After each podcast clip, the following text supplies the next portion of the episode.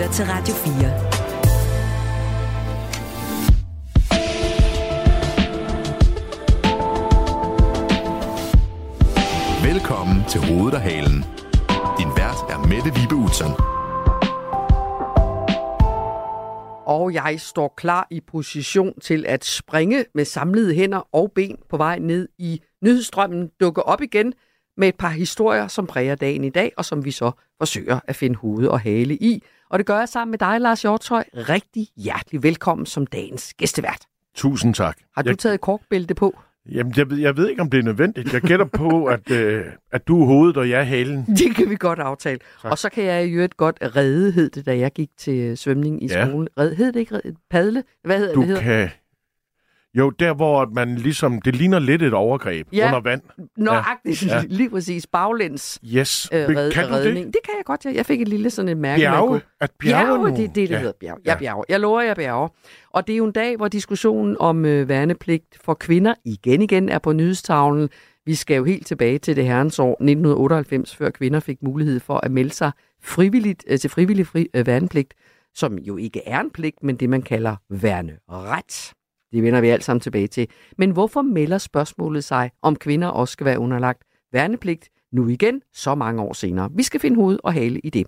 Og så skal vi også tale om, hvad det er for et behov, nogle voksne har for at vende tilbage til de lege, de elskede at lege som børn. Er det sundt? Er det usundt? Er det godt eller skidt, når voksne går i barndom? Det er en historie, du har med under armen, Lars Hjortøj, så den får du lov til at øh, introducere lidt senere. Og den glæder jeg mig til også at finde hoved og hale i. Ja, tak. Er du klar til at tage erhvervet på dig som min gæstevært? Det kan jeg til love dig for, at, ja. at bjerge øh, eller padle, eller hvad det nu er. Det lyder godt.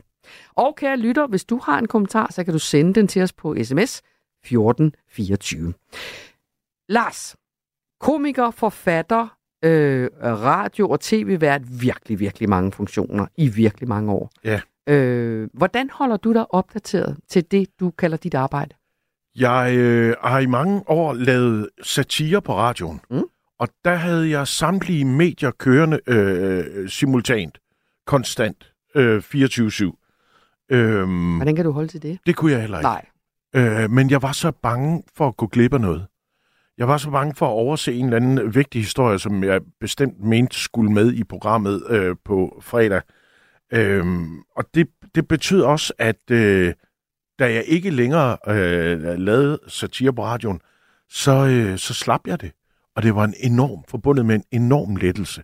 Jeg har altid, af gode grunde, jeg har altid været nysgerrig, jeg har altid fulgt øh, Du er også Øh, samfundsinteresseret borger. Naturligvis, mm-hmm. og Mhm. det var også, det er også noget, jeg voksede op med, at man skulle fandme læse avisen. Altså min far, han øh, synes jo, det var et, øh, uddannet alt muligt andet, så det, det vi voksede op med at være et velorienteret, det er jo hele grundlaget i, i et demokrati, er, at, at vi skulle opdrages til, til gode øh, øh, samfundsborgere og have et grundlag og, og, øh, og agere ud fra. Så det har altid været vigtigt.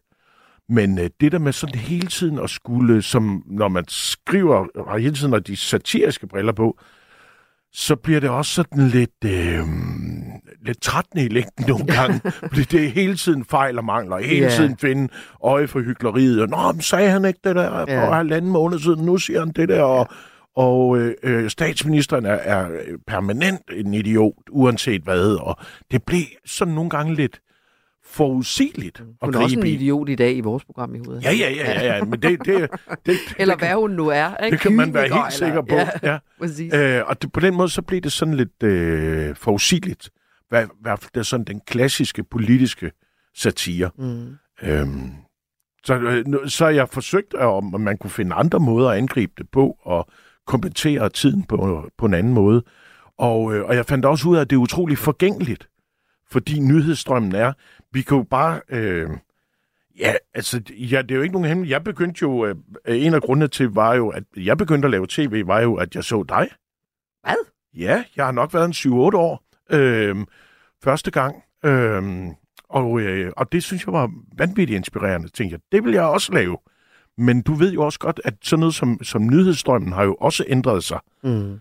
Dengang du var en, en lille pige og, og journalist, Ja, der havde man en, en daglig deadline, havde man ikke jo, det? det er man. I hvert fald der, hvor jeg var. Ja. Og, jeg har jo været nyhedsvært i rigtig mange Ja. år, så ja. Og øh, det har jo ændret sig. Nu er Mm. det jo hele tiden. Ja. Øhm, Og det betyder også, at jeg bliver også en lille bit smule fartblind. Ja. Øh, og jeg mister sådan... På den måde tror jeg sgu ikke, jeg adskiller mig fra så mange andre mennesker. Jeg mister sådan lidt overblikket. Så, så jeg, er rigtig rar, jeg, jeg synes, det er rigtig rart at komme her Ja, og, og blive opdateret. Så, så prøver vi også, her er jo vores øh, målsætning, at vi skal både finde hoved og hale i noget af alt det, der bare kører hele tiden. Ikke? Ja. Stoppe lidt op, kigge lidt ned i det og blive klogere. Ja. Det er det, vi gør de næste par timer. Velkommen, Lars Hjort. Tak. Du lytter til Radio 4.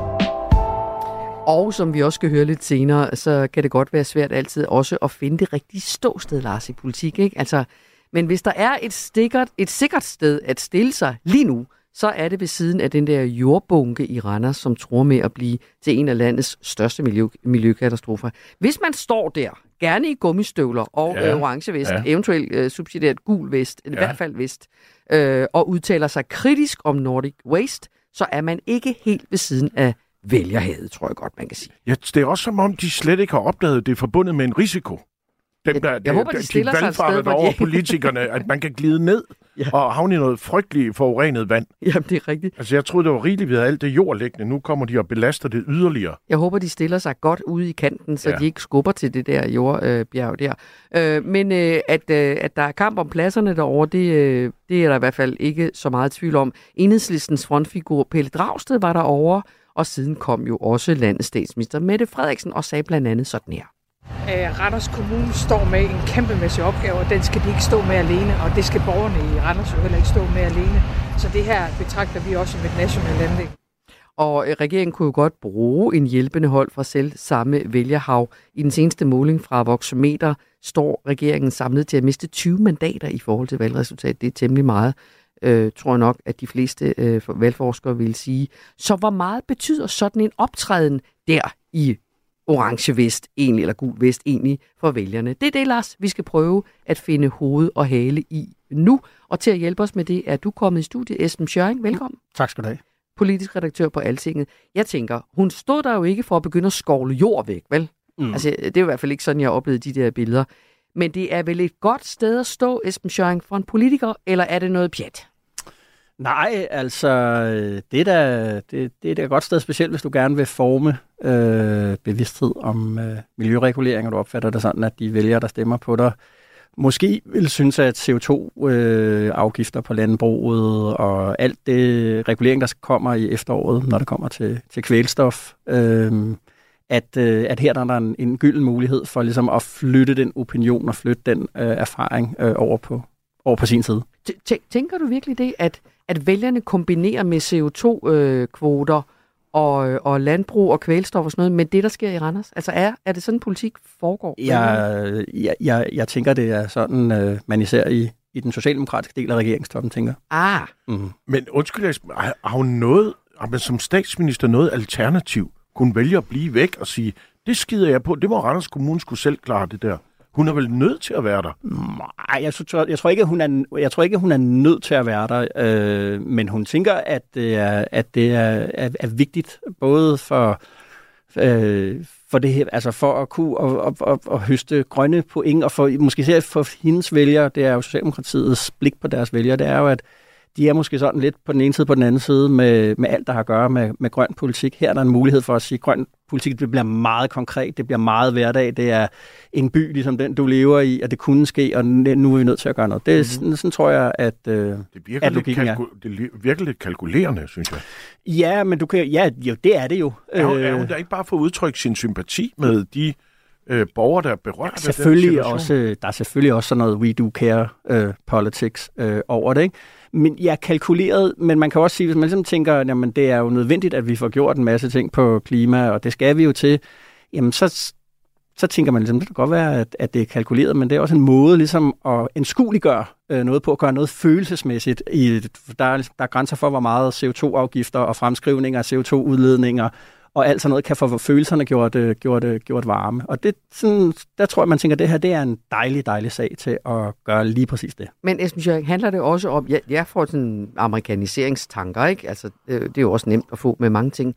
Men jeg tænker sådan, det er lidt som når den amerikanske præsident tager til et område med en tornado ja. eller sådan noget, ikke? Jo. Altså, at man skal i hvert fald ikke beskylde, eller den tyske kansler tager til de der væld, vældige oversvømmelser. Man skal ikke beskyldes for at være ligeglad over i København. Ja, ja, selvfølgelig. Ja. Det, er, det, det, det er en måde, og som jeg sagde, det er sådan noget we do care politics. Mm. Det er, jo, det er jo begrænset, det er jo lokalt, det er, men hun er inde ligesom at sige, at det, vi, vi kærer os også om, hvordan livet er, er herude, selvfølgelig. Øh, de kører jo kampagne på den her sag, Socialdemokraterne, øh, fordi i morges lagde finansordfører for Socialdemokratiet en video på det sociale medie X, mm. som er produceret af Socialdemokratiets presseafdeling. Lad os lige prøve at høre et klip af den. Vi er i disse dage vidne til en overvældende miljøkatastrofe. Tonsvis af jord er på vej direkte mod den lille by Ølst ved Randers. Pist væk er Nordic Wastes stenrige ejer Torben Østergaard Nielsen, selvom han sagtens kunne betale regningen. Men når man skrider for ansvaret, så fortjener man ingen priser. Og jeg vil derfor opfordre PVC til at trække årets hederspris tilbage omgående. Mm. Benny Engelbrecht tilført harpe, skulle jeg sige, på lydsiden. Lars Hjortøj, virker sådan en på dig, eller tænker du sikkert dog noget beregnet pjat? Altså, den, den her er jo kun med til at skabe det, som øh, jo efterhånden er blevet den sådan nye nationalsport, som er sådan en kollektiv forarvelse. Og øh, den har det allerbedst, hvis, øh, hvis den er på et meget, meget spinkelt grundlag. Og det vil sige, her der rider man jo også på, på øh, sådan stemning omkring det, og, og det her, det er den onde milliardær, som har ødelagt naturen, og man rider, men man har ikke rigtig givet sig sådan at sætte sig ind i juridiske teknikaliteter, der jo egentlig, som vidt jeg kan forstå, frikender øh, Torben Østergaard. Og så kommer der så nogle bølger af øh, folk, der på, på Twitter øh, synes, at nu skal vi øh, boykotte Jensens bøfhus, fordi der har han også inter- økonomiske interesser. Og det er jo som regel jo fremsat af folk, der ikke har været på Jensens bøfhus selv i 25 år. Så det hele altså bliver sådan en gratis omgang. Men altså, du ved, sidste uge var det noget med at vinke til dronningen, der kørte forbi en karret, der kunne samle os. Og, og nu er det det her, og indtil på søndag, hvor vi vinder EM i håndbold, der kan, så har vi noget nyt, vi kan samles om. Og så fiser det her jo øh, langsomt ud i løbet af mandagen, tænker jeg. Men Esben Schøring, alt det her, det må vel også være nogle overvejelser. Det Lars siger her, må vel også være nogle overvejelser, man gør sig i den socialdemokratiske pressetjeneste. Ikke? Altså, hvor går grænsen for, hvor meget suppe, der kan koges på de her sager, eller hvad? Oh, ja, det, det, jeg ved ikke, hvordan man skal måle det op og sige, hvor meget øh, suppe, hvor mange liter kan der, kan der gå på den her bouillonterning. Men det er jo, politikere har jo, har jo blik for, hvornår er noget nu. Altså, hvornår er det, at, øh, at der er en, en, en mulighed for at flytte opinion, farve opinion, øh, at og det udnytter man så øh, hæmningsløst. Nu er vi jo sådan nogen, der sidder og følger med på, på, på samtlige øh, kanaler, og derfor så får vi for meget rigtig, rigtig hurtigt. Men det er det, det, det, er det moderne politik er i dag. Der er kampagne er, er ikke noget, der er reserveret til valgkampe. Det er noget, der foregår hele tiden. Og skældet mellem at føre politik og føre kampagne, det, det er jo totalt udvisket.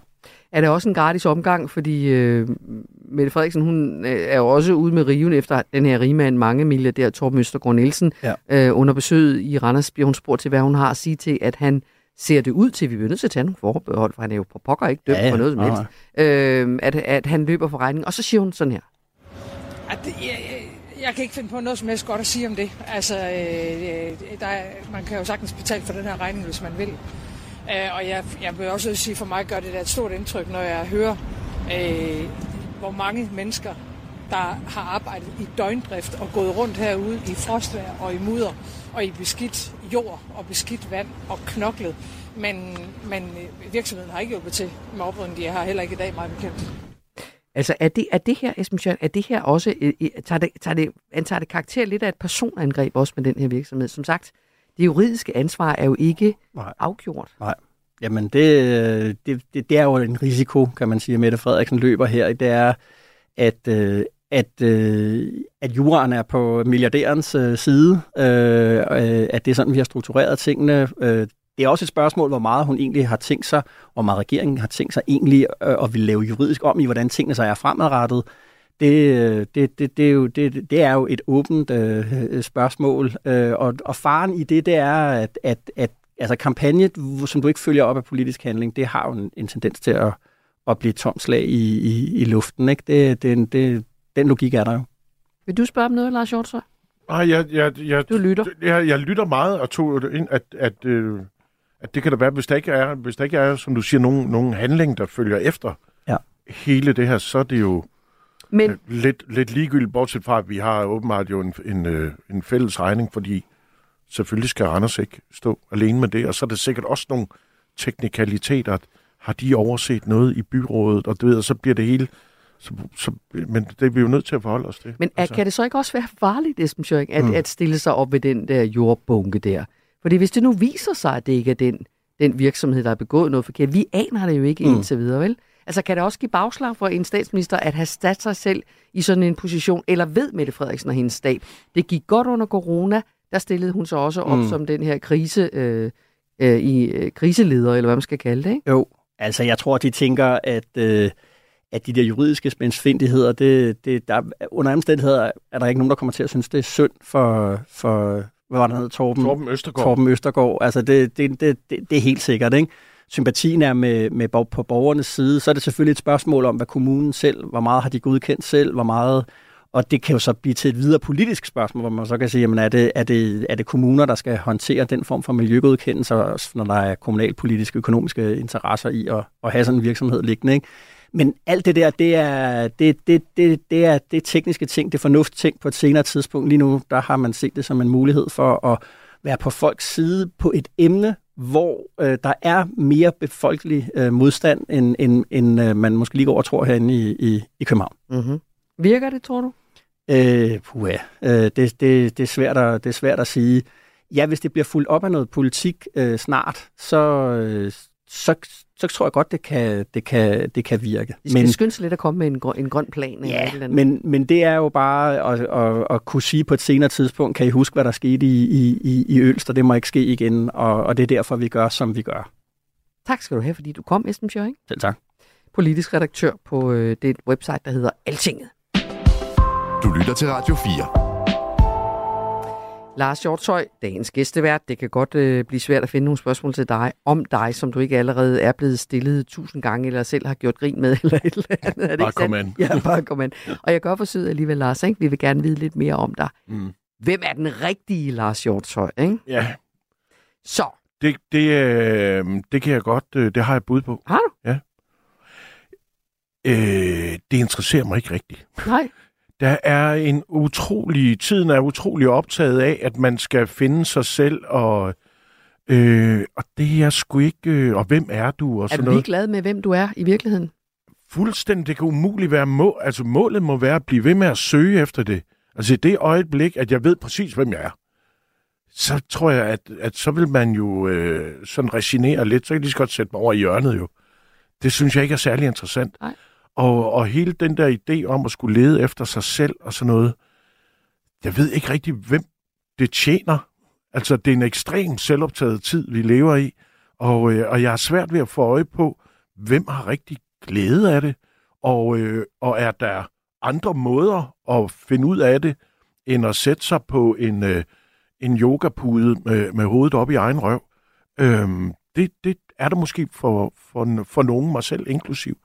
Tror, det der med at, at, øh, at gå vejen og tage øh, de knups og læringer, kan også være med til den, sådan, det formative arbejde. Så hvor målet må jo være, at, øh, at øh, hvis vi sådan ellers opfører os nogenlunde respektfuldt med værdighed over for hinanden, så har det jo med at komme tilbage til folk.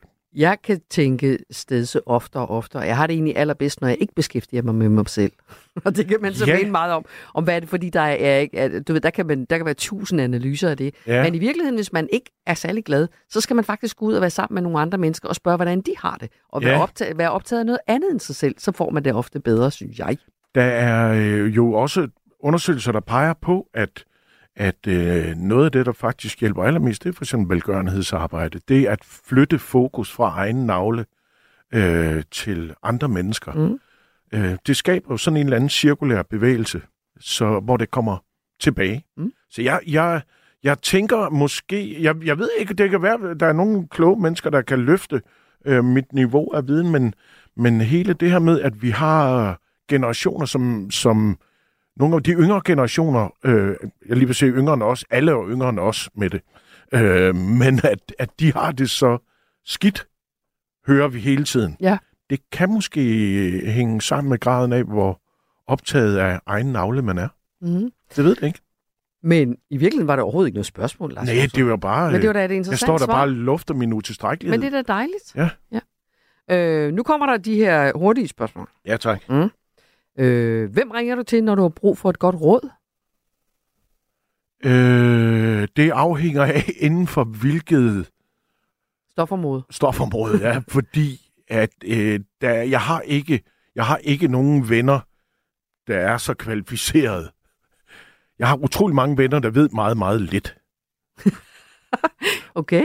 Øh, sådan generelt. Men, Ja. ja. men, der, men, men jeg har også rigtig mange specialister, som kan noget ganske særligt. Aha. Ja. Okay. Så det kan være, hvis der er et økonomisk spørgsmål. Jeg står her, jeg mangler 250 kroner, hvad gør jeg? Så ved jeg godt. Så ringer jeg til, øh, til Martin Thorborg, Mm-hmm. for jeg ved, han har 250 kroner, han kan undvære. Øh, Og han er en af dine venner. Jeg kender i hvert fald Martin mm. godt nok til, jeg er ikke sikker på, at han vil låne mig penge, men, øh, men jeg kender ham godt nok til, at jeg er ikke bange for at spørge. Nej, han vil godt fortælle dig, hvordan ja. Ja. du kan skaffe 250 kroner. Ja. Okay, hvornår har du sidst fået en ny ven, Lars Hjortshøj?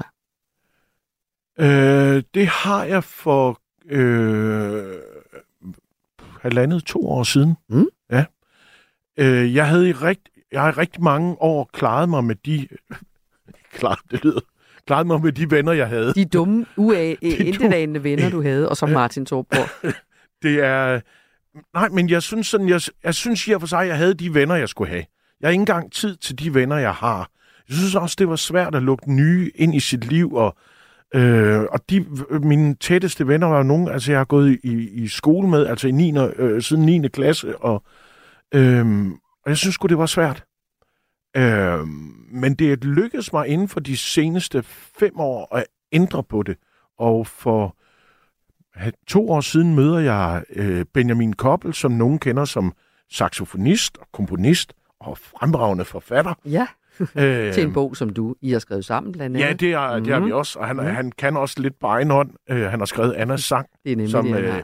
hele Danmark åbenbart har læst. Øhm, og, øh, og vi har øh, vi startede egentlig som sådan digitale pennevenner.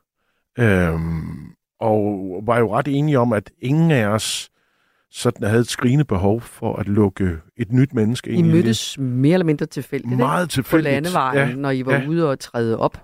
og så blev det sådan en, en samtale, der ikke rigtig er ophørt. Mm. Øh, og nogle gange så viser det sig jo, at man møder et fremmed menneske, som med tiden bliver den ven, man ikke vidste, man havde brug for. Mm-hmm. Øh, og det lykkedes her, det er en kolossal gave. Øh, og jeg er så taknemmelig i, hvad kan man sige, relativt mi- midtvejs i øh, ah, to tredjedel i livet. Ja, ja, ja, ja. Men, øh, men jeg er så taknemmelig for, at, øh, at der kommer et, øh, et helt andet menneske, man skal lære at kende på ny, som, hvor man ikke er tynget af en historik og, øh, og et, øh, øh, et sådan et livsvidende å. Mm. Det synes jeg er meget interessant. Tak for den fortælling.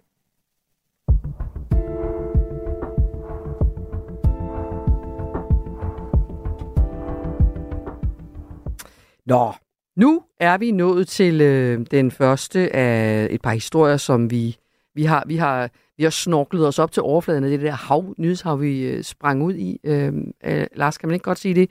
Vi, vi, vi, vi svømmer nu rundt i overfladen Jo. af nyhedshavet. Vi har stadigvæk det der kolde, kolde korkbælte på. Det har vi nemlig. Og, og, og det skal nok gå. Ja, og vi har også stadig armbånd på, ja. Ja. sådan, så vi kan vise livredderen i svømmehallen, Præcis. at vi har købt øh, indgang. Ja, og vi skal op klokken 16, er det ikke også rigtigt? det, jo, klokken Og 16. Alle også med blåt bånd. Alle også med blåt bånd op klokken 16.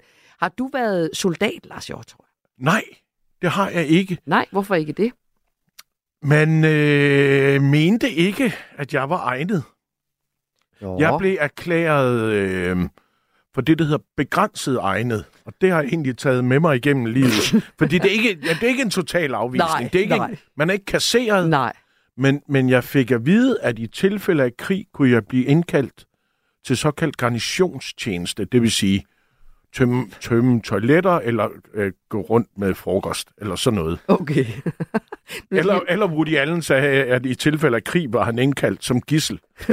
det tror jeg måske også, jeg, jeg kunne have været brugt til. Og hvis man kan høre en, en tredje latter nu, så er det fordi, vi har fået besøg af vores øh, ekspert, øh, gæst, øh, Peter Jansved, Pænt goddag. som øh, om, li, li, om et lille bitte øjeblik skal udøse vores øh, ekspertviden over over os, øh, og du skal udøse din ekspertviden over os alle sammen, Peter.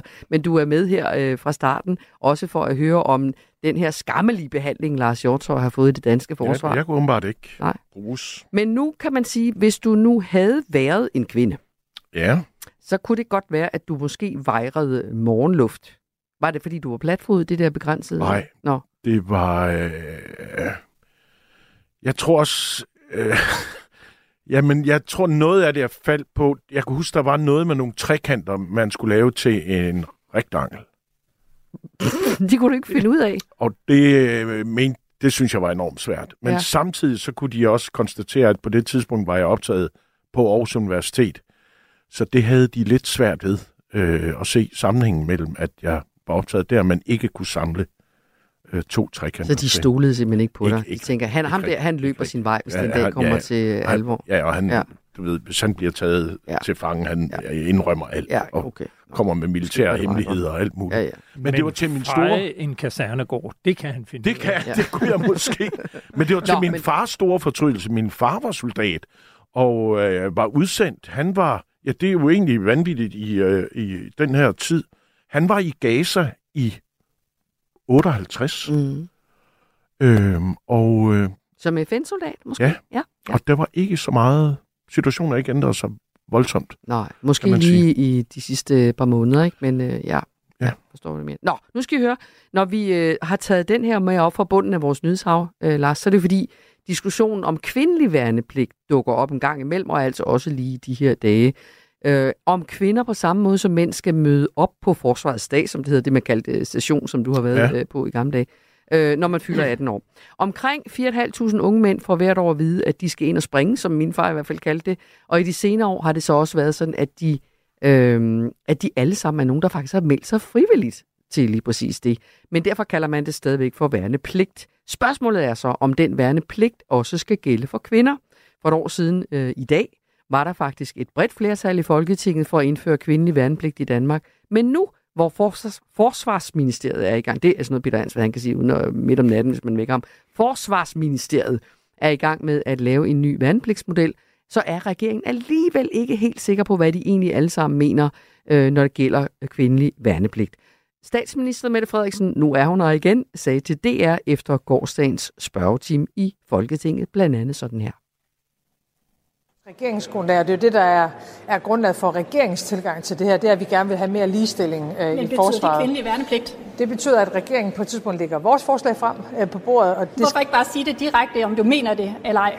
fordi vi ikke er klar til at lægge vores frem øh, endnu. Vi har koncentreret vores kræfter på forsvarsområdet om nogle andre ting. Og det med, at man ikke er klar, det betyder på politikersprog direkte oversat, at det kan man ikke rigtig blive enige om. I hvert fald ikke helt nøjagtigt. Øh, regeringen vil gerne præsentere dele af forslaget mm. øh, frem mod næste delaftale om forsvarsforledet, der forventes i februar. Hvad er egentlig hoved og hale i den her to skridt frem, vi er enige, og så er vi det måske alligevel ikke helt i det her om kvinder i vandblik. Og det er der, du kommer ind i billedet. Peter Ernstved Rasmussen, nu skal jeg introducere dig ordentligt. Du er vært på det program her på Radio 4, der hedder Frontlinjen, og så er du også redaktør på forsvarsmediet Olfi, og hver gang man skal vide noget om noget, der bare altså i udkanten handler om forsvar, så er dig, man ringer til Peter. Så er vi glade for, at du er kommet, og velkommen endnu en gang. Tak. Hvis nu du skal sige, forklare os, hvad er det, der gør, at vi taler om kvinder i værnepligt netop nu? Altså er det, hvad enten det så er ligestilling eller kanonføde, eller hvad? Er det, fordi forsvaret mangler kræfter? Hvad er det, der gør, at den dukker op igen nu, vil du sige? Jeg vil sige, det er først og fremmest et ligestillingsperspektiv, som i virkeligheden kom øh, længe inden krigen i Ukraine brød ud.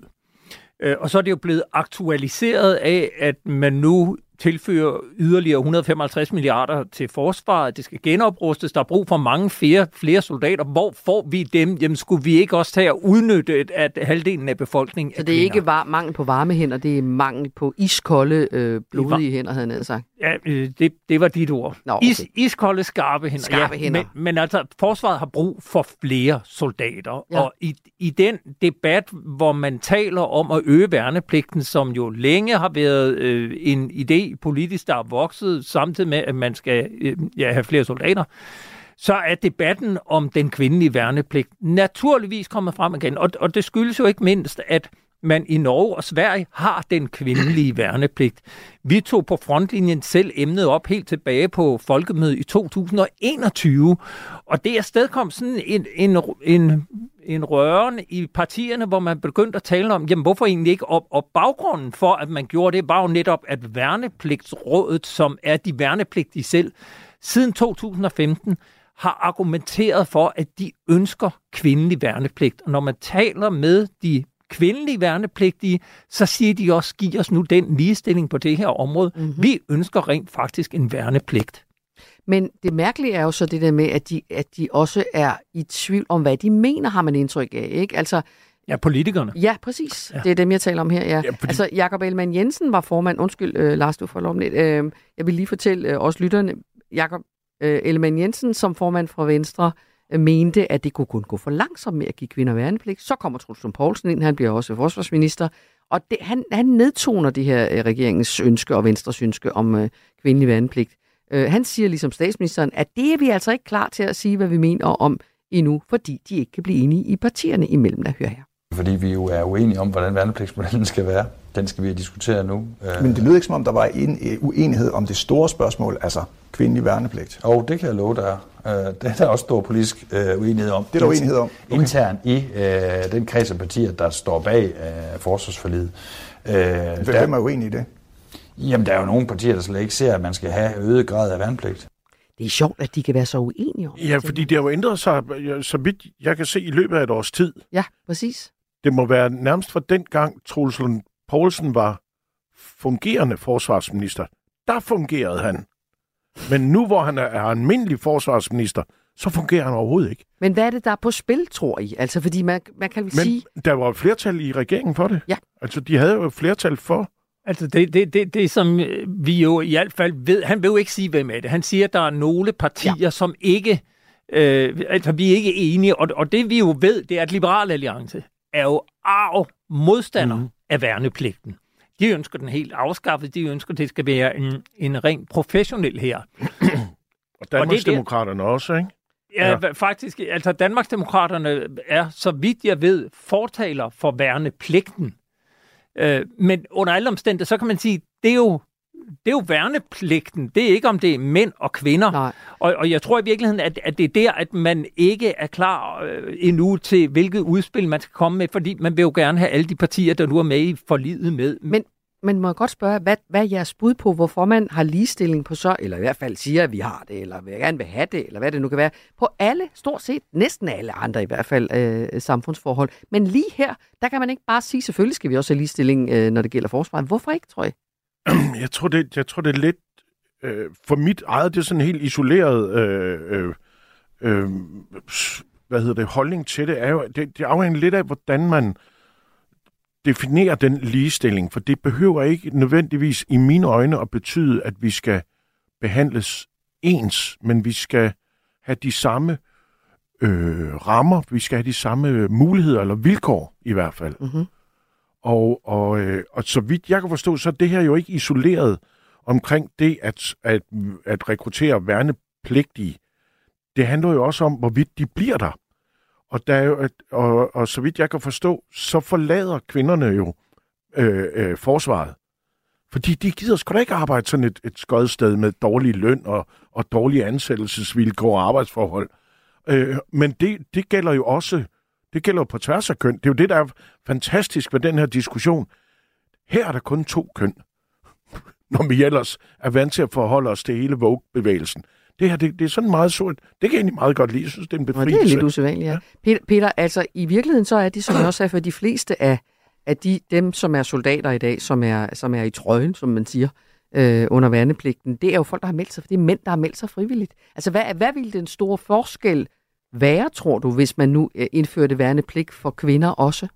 Man vil øh, fjerne en øh, byrde for kvinderne, fordi sagen er jo den, alle mænd i Danmark bliver indkaldt til det, der i dag hedder Forsvarsdag. Da vi var yngre, hed det session. Mm-hmm. Og, og der kan man så række hånden op og sige, jeg vil gerne være frivillig. Så kommer man ind og aftjener sin værnepligt. Man kan ikke som mandlig værnepligtssoldat sige, ej, det vil jeg altså ikke alligevel. Kvinderne, de får et tilbud om, at de kan bede om at komme på forsvarets dag. Og her kan de sige, jeg vil gerne være værnepligtig. Men, der, men de skriver en kontrakt, som i virkeligheden er en kontrakt, der minder om en, en ansættelse.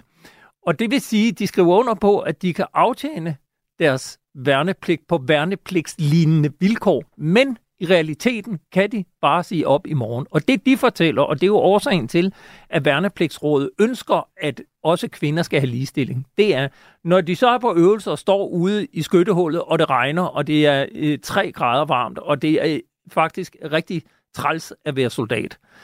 Der har kvinderne hele tiden den tanke op i hovedet, skal i virkeligheden bare sige op i morgen. Det har mændene ikke, og det vil sige, det er egentlig sådan en dobbelt øh, barriere, de skal hen over for at blive. Og der er det, de ønsker, at lad os nu få den ligestilling, at vi også får pligten. Og så kan man sige, set fra forsvarets synspunkt, der vil det jo betyde, at hvis man indfører værnepligten for kvinder, så har man jo lige pludselig udvidet sit rekrutteringsmateriale, potentiale med 100 procent. Mm-hmm. Altså fra at vi kun øh, kalder mænd ind, så også at få alle kvinderne ind. Det vil give langt større mangfoldighed. Det vil også betyde, at der kommer flere kvinder i forsvaret. Selvfølgelig vil det det.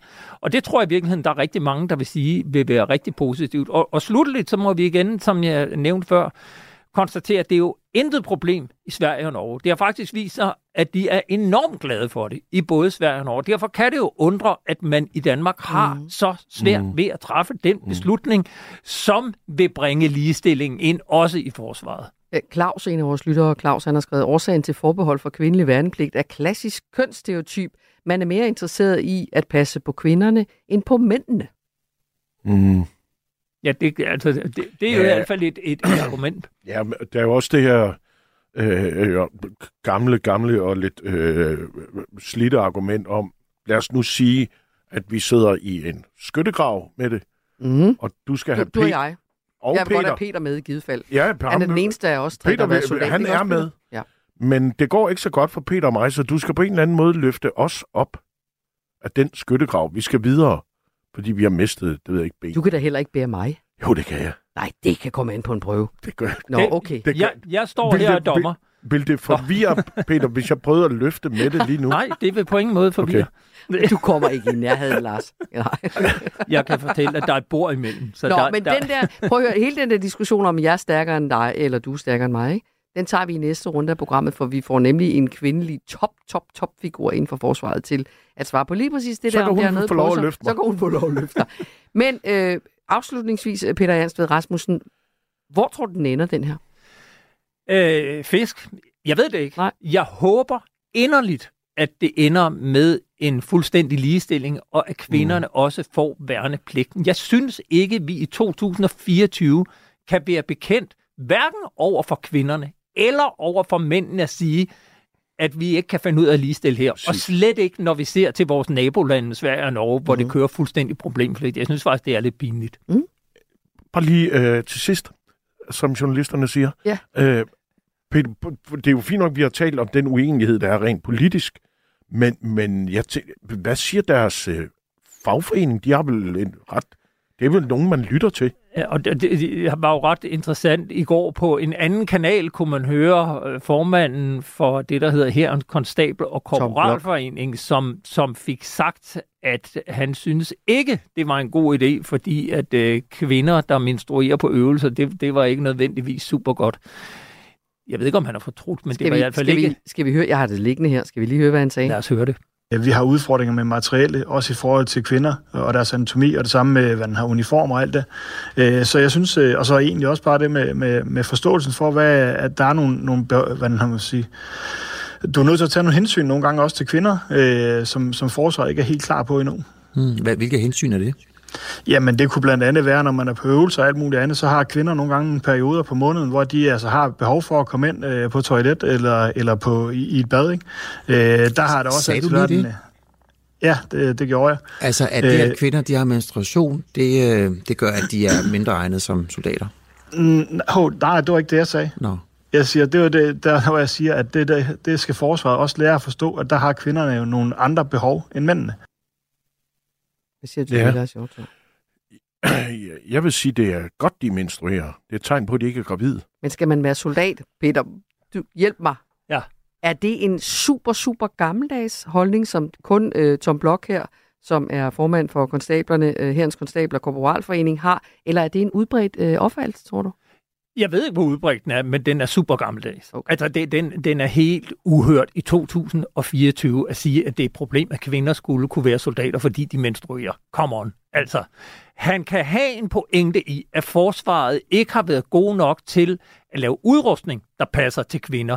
Rygsække, undertøj, sportsbh og den slags. Altså, det kan han have ret i, men det er jo ikke et argument for at holde kvinderne ude. Tværtimod er det bare et argument for at se og komme i gang internt i forsvaret, så vi gør det lige så attraktivt for kvinder at være i forsvaret. Peter Ernstved Rasmussen, tak skal du have, øh, fordi du kom ind forbi os vært på frontlinjen her på Radio 4, og også redaktør på det forsvarsmediet Olfi. Vi taler videre, Peter, du kan lytte med, når du sætter dig ind ved de skrivebord herinde ved siden af, fordi om lidt øh, næste time af Hoved Halen taler vi med Lone Træholdt, hun er noget så øh, imponerende som brigadegeneral af reserven og ligestillingsrådgiver ved flyvevåbnet. Hun mener, at forsvaret har brug for, at kvinder får værnepligt for at få ligestilling, men vi skal også spørge hende, hvorfor ligestilling ikke kan opnås ved at ligestille mændene og give dem det, der hedder værneret også. Det bliver, gør vi i næste time af Hoved og Haden. Tak fordi du måtte være med. Tak for det. Du lytter til Hovedet af Halen på Radio 4. Jeg har haft øh, 39 feber i fem dage, Mm. men det bliver ikke bedre. Lad mig lige prøve at se dig på video. Vagtlæger visiterer og behandler hver dag tusindvis af patienter på en videoforbindelse. Prøv at kigge lige ind i kassen der. For ja. Men er det sikkert for patienterne? Men det ser sgu på ingen måde alarmerende ud. Og kan det få fatale konsekvenser? Man kan ikke vurdere en farvetoning af en hudoverflade for eksempel igennem en videokonsultation. Videokonsultationen kan være en hemsko for, at man lytter ordentligt til, hvad patienterne siger. Lyt til Intet at se i Radio 4's app, eller der, hvor du lytter til podcast. Vi bliver nødt til at vide, hvad var det, han døde af? Radio 4. Man kan jo ikke dø af en migræne. Ikke så forudsigeligt. Lars Jonsson, vi har jo et udstående, men det synes jeg, vi ordner senere under det- det eventuelt. det er løfteri løfte, der? løfteriet, ja. ja. Vi, lad os lige, øh, vi har googlet dig, det skal man jo gøre, når man er en ordentlig journalist, som du siger, for at finde ud af, hvad man i grunden skriver. Vi kan nå en, jeg tænker en enkelt overskrift, skal vi gøre det? Ja, man kan google, hvis man ikke gider at lave en rundspørg. ja, lige præcis, ja. Så nu har vi uh, lavet en rundspørg, og vi har fundet en overskrift, der hedder, Lars Hjortøj, det er mig, der har købt huset, og jeg bestemmer selv, hvor jeg vil sidde. Ja. Kan du huske, hvad det handler om? Øh, er det ikke sådan noget patriarkalsk Jo, jo, noget? du er sådan lidt uh, tung gammeldags Er det det. Skal jeg nu bare sige det, som det er. Det er fra Femina i 2013. Du er træt af mænd, der påtager sig offerrollen. Du ved, hvor skabet skal stå, og far skal sidde ned i dit hus i Italien. Og det skal være for bordenden på sin, din, terrasse, og når du du, opholder hvor- dig i. Ved du hvorfor med det? Nej, fortæl det er mig fordi, det. det. Der, der er den fedeste udsigt. det er oppe for bordenden. Ellers resten, så sidder man bare og glor, altså ud, ind i, ind i en væg. En væg eller Men er det, er, det, er, det, er det, altså, er du lidt træt af det der ligestillingsdiskussion? Er det Nej, sådan, og, nej okay. og, og, og den, er, den er nødvendig, og vi er nødt til at holde den i live. Øh, fordi der hele tiden melder sig ting, vi skal tage stilling til. Nej, det er jeg bestemt ikke træt af. Øh, det er jo ikke noget... Det, det, det, der sådan generer mit øre nogle gange, er dem, der tror, at det er noget nyt.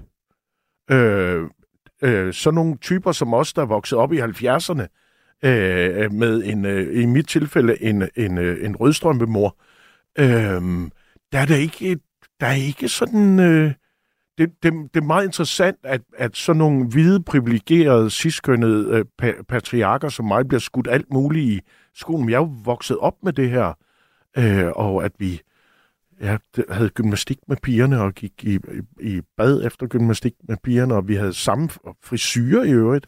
altså, jeg har, jeg har klassebilleder, hvor det er umuligt at afgøre, hvem er kvinder, og, eller hvem er piger, og hvem er drenge. Mm. Jeg elskede Village People, nu vi taler om diversitet, hvor vi har at gøre med et band, der bestod af en, en bygningsarbejder, og en matros, og en høvding, og en politimand. Øh, og øh, de kunne altså godt finde ud af at have et band sammen, selvom de var meget forskellige. Så. I virkeligheden, så er der ikke så meget nyt under solen. Det synes jeg ikke. Nej. Du lytter til hovedet og halen. Nå, Lars, det er jo en dejlig gæstevært, også selvom du bliver en lille smule for fysisk for mig engang mellem øh, og tror med overgreb, som for eksempel løftekonkurrencer og andet. Øhm, nu har vi jo bedt dig om at tage din egen historie med. Ja. Og øh, den, er, den kommer durk ud af nyhedsstrømmen, den kommer durk ud af tidsånden også. Kan man sige det? Hvordan vil du, hvis du selv lige skal fortælle mig, hvad, hvad det her kidulting Kedolting, ja. Ja, det Sådan tror jeg, det udtales. Kids og adult, altså det ja. her med, at man ligesom, de voksne forsøger at blive børn igen. Kan man sige det sådan? Ja, det er et, et fænomen, jeg er faldet over, øh, som handler om, at man som voksen genoptager øh, hobbies, aktiviteter, man havde glæde af som barn. Mm-hmm.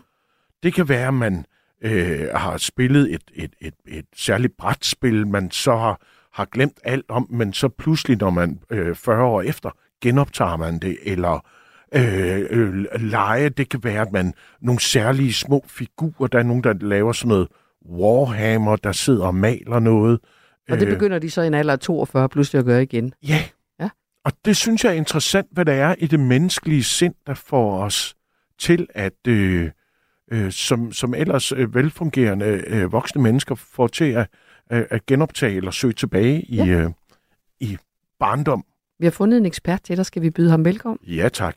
Torben Beckmann Jensen, velkommen til dig. Ja, tak. Lektor ved Institut for Psykologi på Københavns Universitet. Kedolting, det er sådan noget, et underligt ord, ikke? Men hvad siger det om os voksne, at øh, nogle af os i hvert fald søger tilbage i lege, vi var glade for, dengang vi var børn?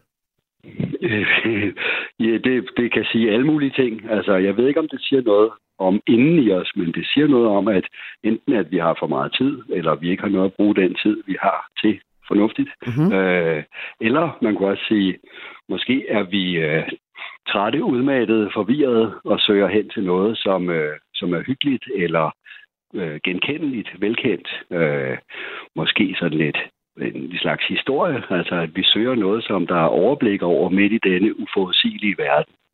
Øh, så der er alle mulige ting at Der, sige om der det. kan være forskellige grunde. Men er det, skal man forstå dig sådan, Torben? Er det, er det godt eller skidt? Altså, er det et sundhedstegn? Er det usundt? Er det en flugt? Er det pusterum? Eller hvordan? Altså, det er måske også lidt af det hele. Altså, det kan jo være godt nok at lege. Det er jo hyggeligt, at man kan lege sammen eller more sig sammen.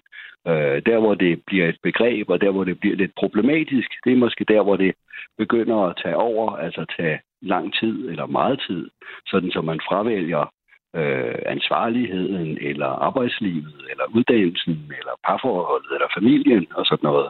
Altså kommer til at game time efter time, eller man taler også om øh, doomscrolling, altså at man sidder og ser reels, eller sådan nogle små korte historier igen og igen og igen. Øh, så på den måde, så er det, hvis det tager overhånd, eller det kræver for meget tid. Mm-hmm. Er det et udtryk for umodenhed? Nej, man kan jo ikke sige, at, at sådan flere generationer er umodne, men man kan sige, måske har de levet med nogle betingelser, og måske er de ved at være trætte af de betingelser. Altså, der stilles store krav, og nogle gange kan man sige, der er måske sådan en ondt i livet, eller manglende overblik over, hvad kan jeg regne med? Øh, og på den måde, så kan man sige, så er det jo en udvej, eller en måde at håndtere livet på, og beskæftige sig med noget, som, øh, som ikke er så krævende, øh, som måske er underholdende, eller måske bare er nemt eller overskueligt. Så jeg synes ikke, at man nødvendigvis er selvoptaget, men det kan være, at man er forvirret eller befinder sig i, i en kravstruktur, hvor det her det virker som en attraktiv mulighed. Og når sådan vokser, så kan det gå hen og blive problematisk for den enkelte og for os, hvis for mange gør det. Altså, Torben, minder det her om... Altså, vi så jo under, under coronaen, at der begyndte folk jo på surdej og strikning og sådan noget. Fordi det der med, at, at verden var uoverskuelig og ond, og vi troede, vi skulle dø, og, og så var det var Mhm. vigtigt at finde sådan nogle helt nære beskæftigelser, ikke? Jo. Jeg tror, jeg tror, det har fået ny aktualitet netop på grund af corona. Altså fordi det ligesom har understreget det eller forstærket det. Ikke at det var helt nyt, men, øh, men det begyndte at vokse, måske især under corona. Men vi har kendt det før. Altså, hvis vi nu snakker mænd og kvinder og ligestilling og sådan noget, så har der jo været øh, Peter Pan-generationen, har man talt om. Altså de der mænd, som eller vi være sammen med drengevenner og gå i byen, eller spille computerspil, eller lave noget, hvor de ikke bliver forstyrret af en kæreste eller kvinder. Eller, øh, og på den måde, så kender man det jo godt. Altså ligesom forlænge ungdomslivet, eller mm, være, være barn, eller, eller beskæftige sig med noget uforpligtende. Ja, og så er der alle os andre, der sidder for bordenden, ikke? Og tager ansvaret. Jo, jo, jo, jo For det. I huset i Italien, ja. Ja. Som jo også kan være, hvis man har tid nok og penge nok, så kan man kaste sig over den slags. Altså gamle biler og huse i Italien eller rødvin. Men Torben, må jeg spørge dig, nu er du øh, øh, psykolog, så du ved jo rigtig meget om vores... Øh, og jeg kan også godt lide, at du ligesom ikke gider at dømme nogen hverken ud eller inden for det her. Der kan være mange forskellige grunde til det. Men, men, men, men man kan jo også godt få den tanke, at man søger tilbage sin sin mors livmor, ikke? Altså, at verden er stor og utryg, og det her program er jo også et udtryk for det, at det kan være vanskeligt at rumme alt det, der sker. Øh, børn, der bliver slået ihjel i krige, øh, øh, sult og hungersnød og klimaforandringer, og så vil man hellere øh, lege hønseringe. Kan I huske det, mm. da man legede hønseringe? Ja, ja. Eller, eller, eller gå til badminton, som man gjorde, da man var barn, eller sådan noget? Og sut på tommelfingeren. Ja. ja. Men altså, men, men det element er der også. Eller man kan sige, er det nostalgi, eller er det... Altså, det er jo rigtigt nok. Og nogen har også prøvet at beskrive det, eller beskriver det som sådan en, det er terapeutisk, altså, som mm. om det er godt, altså man går i barndom igen, eller man beskæftiger sig med noget, man husker var godt og ukompliceret. Øh, og det skal jeg ikke kunne sige, om virker, men altså, men, men, men det, jeg mest er bekymret for, det er, hvis man gør det for meget, og det har I jo allerede snakket om. Altså, hvis man kigger for meget ind igennem sin egen navle, eller skal lære sig selv mm. at kende, øh, så kan det være, at man holder op med at interessere sig for de andre, eller omverdenen, eller ja, hvad man egentlig skal. Det, der er en af lytterne, der skriver, måske har han allerede fået svaret, at kan vi ikke få en definition af, hvad det er, for jeg spiller også stadigvæk PC-spil nogle gange, og min kone laver puslespil osv. Altså, der er vel også noget dejligt i det, uh, Torben. Der er vel også noget... Ja, ja. Altså, det der, man kan føle sig som et barn igen, det kan også være enormt givende på en eller anden måde. Det er jo skønt. Altså, ja, og der er jo masser, der gør det hele tiden. Øh, men, det, men det har fået en ny aktualitet eller popularitet. Sådan noget med at lægge puslespil og spille brætspil og strikke. Og, altså alle sådan nogle små sysler. Men, altså, men, men det er da fint, og det er da godt, hvis man i øvrigt kan føre et liv, som hænger nogenlunde sammen, eller man kan have en familie eller en partner, hvis man har lyst til det, og det er der færre og færre, der har lyst til at tage det ud til. Men altså, Øh, hvis man i øvrigt lever sit liv og har det godt, så er det da fint, at man kan lege, og det gør man jo. Altså, jeg leger også med en masse gamle mænd, når vi spiller fodbold. Jeg skulle lige til at spørge, om du leger, Torben. Det gør du, når du spiller fodbold. Hele tiden, ja, ja. ja. Leger du, Lars? Ja, det, jeg gætter på, Torben, det er så også en aktivitet, du har med dig siden din barndom. Fodbold? Fuldstændig. Ja, ja, ja, ja. ja ellers så kan man jo ikke. så, nej, så nej, det ikke. Så nej for ellers så er det jo bare en hobby. Jeg ved, nu talte vi lige om at få defineret fænomenet, ikke? Hvis det er jo. noget, man for nylig har fundet på, så er det jo bare en almindelig hobby, ikke? Jo, jo, jo, jo. Men Lars, altså, kan man ikke også beskylde dig i virkeligheden, så er det at være komiker vel også et forsøg på at flygte fra at blive rigtig voksen? Jo, jo, jo. Det, jeg laver nøjagtigt det samme, som jeg var 7-8 år. Det er noget med at klæde ud kassen og fjolle. Øh, det, det er nøjagtigt. Der er ikke noget, der, jeg kan ikke spore nogen nævneværdig øh, evolution. Jeg gik, jeg gik, Torben, jeg gik til spejder. Og det, det ja. tror jeg ikke, jeg har lyst til at genoptage. Øhm, fordi jeg... Altså, noget jeg godt kunne lide, det var jeg, øh, altså, det at lave mad over bål. Det kan jeg godt lide. Mm-hmm. Mm. Men øh, jeg bor på fjerde sal, og øh, jeg tror ikke, det er skide populært Ned i ejerforeningen. i, Italien Ja, der må jeg stikke ild i et ja. eller andet pastaret ja. dernede. Ja. Øhm. Men, men Torben, øh, i virkeligheden, så kan man sige, er det ikke noget med en balance? Du må godt flygte tilbage i øh, barndommen, hvor du sad og nullerede hjørnerne af Anders Sandblad. Du skal bare love at komme ud igen, havde jeg sagt, og komme tilbage igen. Ja, bare man kan få fat i folk igen. Ja. Altså, jeg, jeg er jo ikke dommer. Altså, man må da gerne lege. Og, og du er velkommen, Lars. Jeg bor på, på en gård på landet, så hvis ah. du har lyst til at lave mad over bål, så skal du bare komme forbi. Og jeg, troede, ven, Lars. jeg troede, I manglede en højre bak på det fodboldhold der, du øh, snakker om. Nej, ja, nej, det ved jeg ikke. Så skal du have spillet i mange år. Nå, men noget helt andet er så, at det er jo også nu Torben Beckmann Jensen, lektor ved Institut for Psykologi på Københavns Universitet, at du risikerer at få skader, fordi du stadigvæk tror, du er den dreng, du ikke længere er. Er det ikke rigtigt? Ja, ja. jo, det er fuldstændig. Så der er nogle ting, man lige skal... også hele tiden. Ja, ja. Nå, Torben, tusind hovedet, tak. der kan vi stadigvæk. Ja, ja præcis. Men, ja. men det kan også skade selvopfattelsen. Det er rigtigt. Pas på med det. tak skal du have, fordi vi måtte ringe til dig, Torben Beckmann Jensen. Tak for det. Nå, Lars, har du fået mere lyst til at lege, eller har du fået mindre lyst til at lege? Nej, jeg, jeg synes, det, det, det der, når man kalder noget for et fænomen, så er det jo pludselig, fordi så stikker det af.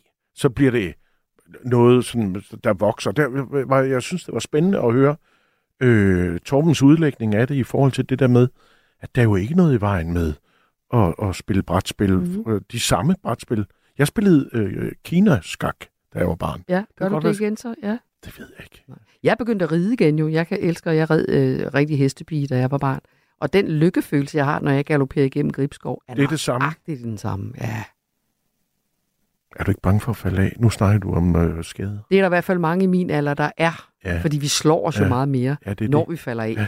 Men nu er jeg, hvis jeg selv skal sige det, ret dygtig til at ride. Men er det ikke noget med, at man skal falde af øh, 100 gange, før det er, man kan man er kalde sig en Det gjorde jeg dengang, jeg var barn. Så nu er jeg voksen, så nu tænker jeg bare, nu falder jeg aldrig af. Gal- galopperer du? ja, for filen da. I fuld fart.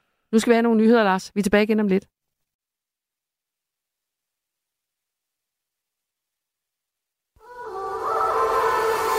Du lytter til Radio 4.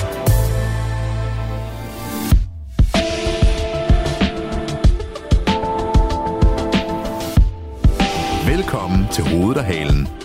Din vært er Mette Vibe Utzon. Og jeg har, øh, som vi allerede har konstateret i første time af hovedet og Halen i dag, iklædt mig svømme benklæder. Øh, jeg har taget en snorkel på, og det har også du, Lars Hjortshøj, dagens gæstevært for, fordi vi er nu nået til rygkrål igennem nyhedshavet. Er det ikke ja, rigtigt? Jo, jeg var ikke Ja. lige klar over, at det var en del af dresscode, men jeg er da glad for, at jeg er klædt op. Jeg måske, jeg har glemt at sende en ja. note til dig om, at du skulle have, Men du skulle have klipklapper Jeg- og øh, håndklæde med. Jeg Se. holder mig oven vandet. Vi er, i, øh, vi er i midt i havet af nyheder. Vi dykker ned, som sagt, tager et par stykker af dem og siger, hvad er hovedet og halen i det? Og i dag er en dag, en onsdag, hvor forarvelsen ingen grænser kender, blandt i hvert fald nogle, over at den nigerianske mand, kendt som den etbenede, enbenede pirat, har søgt og opnået politisk asyl i Danmark.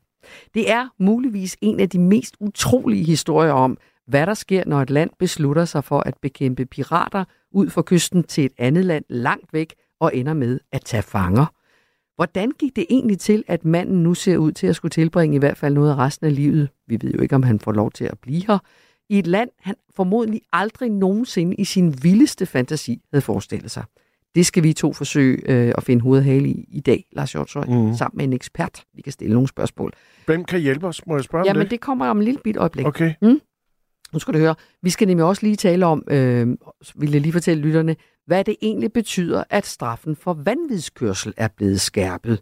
Det betyder i hvert fald, at der står en lang række super billige biler til salg hos politiet. Biler, som er blevet konfiskeret i netop sådan nogle sager. Lækkerhedsgraden af dem svinger lidt, men der er nogle gode køb ind imellem, er jeg ret sikker på. Spørgsmålet er så, om det er fair og rimeligt, at så mange biler nu tages fra bilisterne, eller om det her er stukket helt af for politiet og lovgiverne. Endnu en hoved- og haleopgave, som vi kaster os over i dag. Og du kan, som flere lyttere også allerede gør, skrive til os, Lars, på 1424, hvis man har en, en øh, kommentar til det. Rigtig hjertelig velkommen til Hoved og Halen. Tak. Du lytter til Radio 4. Nå, Lars, øh, nyhedshavet mangler en lille gul raban ja. over i et hjørne. Har du eventuelt en interessant historie med fra din egen dag, som du har lyst til at kaste ud i havet her? Øh, store, øh, omvæltende øh, begivenheder i, min, øh, i mit liv. Ja. Øh, I den forgangne weekend, der har jeg flyttet øh, for min mor. Ja, hvor Hun- skulle hun hen? Hun skulle på et plejecenter. Hun er øh, meget frisk, min mor, dog ikke fysisk, så hun kan simpelthen ikke... Der har jo været en, en politik om det noget med at opbevare ældre mennesker længst muligt i egen bolig, og det har min mor kunne... Øh, øh, det har hun levet op til Okay. i den grad. Altså Nu er hun- ufrivilligt eller frivilligt? Nu er hun 87. Nu, ja. nu, øh, nu går den ikke længere. Nej, okay. Øhm, Men hun har været glad for at bo derhjemme. Ja, Ja, det har hun. ja. Øhm, og det der med at komme på et, et plejehjem, plejecenter, det er ikke bare lige til i Danmark. Man skal visiteres under meget øh, strikse regler. Mhm. Og, øh, og dem skulle min mor, ligesom alle mulige andre selvfølgelig, leve op til. Det er ikke noget, man bare gør. Nej. Det, øh, ironien i det her er, at min mor hele sit liv har været sygeplejerske og primært arbejdet inden for ældre det øh. Nå. Så da det, hun ligesom bare, hun selv havde brug for det, der, der begyndte det at knibe lidt. Ja, Det var, ja. øh, det Så- var øh, hvad hedder det, ja, situationen. Ja. Er, hun, er det en lettelse for hende og også for hendes søn Lars, at nu er der Ja. altså nogen, der tager sig Ja, af hende? det er det. Ja. Øh, og især fordi det er jo, jeg, jeg talte med min bror om det, tænk hvis vi skulle flytte en, der ikke havde lyst til det. Ja. Det vil jeg ikke bryde mig om. Så, øh, så alt er positivt. Hun er et rigtig, rigtig godt sted, øh, omgivet af, af søde naboer og, øh, og et øh, rigtig godt personale, øh, som, øh, som kan hjælpe med Og, og, Og, for det, det, er jo sådan, det, er jo, det er jo en absurd øh, situation at blive bragt i. Øh, det der med, når man er tilpas gammel, så bliver man sat hen et sted og skal pludselig bo med nogen altså, hun har boet hele livet bare med øh, min far eller en lille familie. Nu skal man bo sammen med nogen, man slet ikke kender. Ja, det er også... Jævnaldrende, det er egentlig det, man har til fælles, ja. eller har til fælles at være plejekrævende på den ene eller anden måde. Det er sådan en... Øh, nu har vi jo lige rundet Italien. Øh, dem øh, af jer, der nu, og dig måske med det, der har været i Italien, mm. vil jo opleve, at dernede er de ældre synlige. Ja, de sidder på gadehjørnerne, på torvet. på torvet og, mm. og sluder, og de har ofte også en eller anden funktion i familien. Stor eller lille. Det kan være, at man er den, der laver frokost, når de andre kommer hjem, eller man henter nogle børn, eller man passer en urtehave, eller vasker tøj, eller et eller andet, men man har dog en funktion. Så jeg tror i hele det her med, nu har vi talt om, at, at, øh, at vi er så optaget af måske at jagte, hvem vi selv er, og jagte lykken, så tænker jeg, at man måske nogle gange vil have større glæde af at jagte et formål. Jeg tror, det er det, der kan være med til at, øh, at øh, øh at forlænge livet lidt, eller i hvert fald kvaliteten af det. For man skal også huske, også huske på, at det der med, når man taler lige i øjeblikket om, om øh, hvordan vi alle sammen øh, skal blive ældre og ældre, så er, det, så er det som om, man betragter livet som et rekordforsøg. Og det tror jeg ikke, øh, vi har glæde af, mm. fordi man kunne jo også, apropos dit øh, svømmehalsbillede, man kunne også se på dybden af det. Eller det, at man dog, mens man var, havde et formål. Tak for det, Lars. Du lytter til hovedet og halen. Allerede i øh, første time af Hovedet og Halen i dag snakkede vi jo om... Øh, om du står og ryster på hovedet, Lars. Jeg kigger på din producer for at se, om det gav mening, det jeg sagde. Nå, selvfølgelig giver det med alt, hvad du siger, giver der mening. Det, det, er, det er jeg ikke forventet med. Nej, er du ikke? Det skal Nej, bare komme lidt oftere. Men nu kom der... Øh, hun er meget, meget øh, øh, sød og meget opmærksom, din producer. Hun sidder og, giver, og laver thumbs up. Hun hedder Andrea, og nu må vi hellere tage lytterne med ind i det også, fordi du og jeg står inde i det her studie, Mm. Fyldt med mikrofoner, Mm. masser af teknik, som jeg skal styre. Nogle gange går det godt, nogle Og gange Andrea går må det ikke galt. være her. Og Andrea må ikke være Nej, her. hun sidder hun kan ikke tige stille, så hun, Hun- sidder ude bag en glasplade, og om på den anden side af hende sidder hun lige nu og smiler hult, og, Ja. ja. og får røde kinder, kan jeg se. jeg- Men det er rigtigt. Men du skal ikke være bekymret, fordi Det er det, det jeg kan var bange for, at jeg røg ud nu, og ikke var med i resten af programmet. Der er mange ting. Nå, men det er bare fordi, da du lige stod og fortalte, hvad der kom her i anden time, så er der rigtig meget af det, jeg er nysgerrig på. Ja, men godt, og lad os komme i gang med det, fordi vi har allerede taget hul på et af, af emnerne, øh, og det er jo det her med værnepligt for kvinder. Vi havde besøg af Peter Ansved Rasmussen, øh, som er ekspert i forsvar osv., som sagde, at det er helt vildt mærkeligt, at de ikke bare kan blive enige om, at der skal være ligestilling, fordi øh, det, det giver rigtig meget mening, at de i hvert fald meget snart træffer en beslutning. Øh, det er jo sådan en diskussion, der dukker op en gang imellem, for eksempel nu.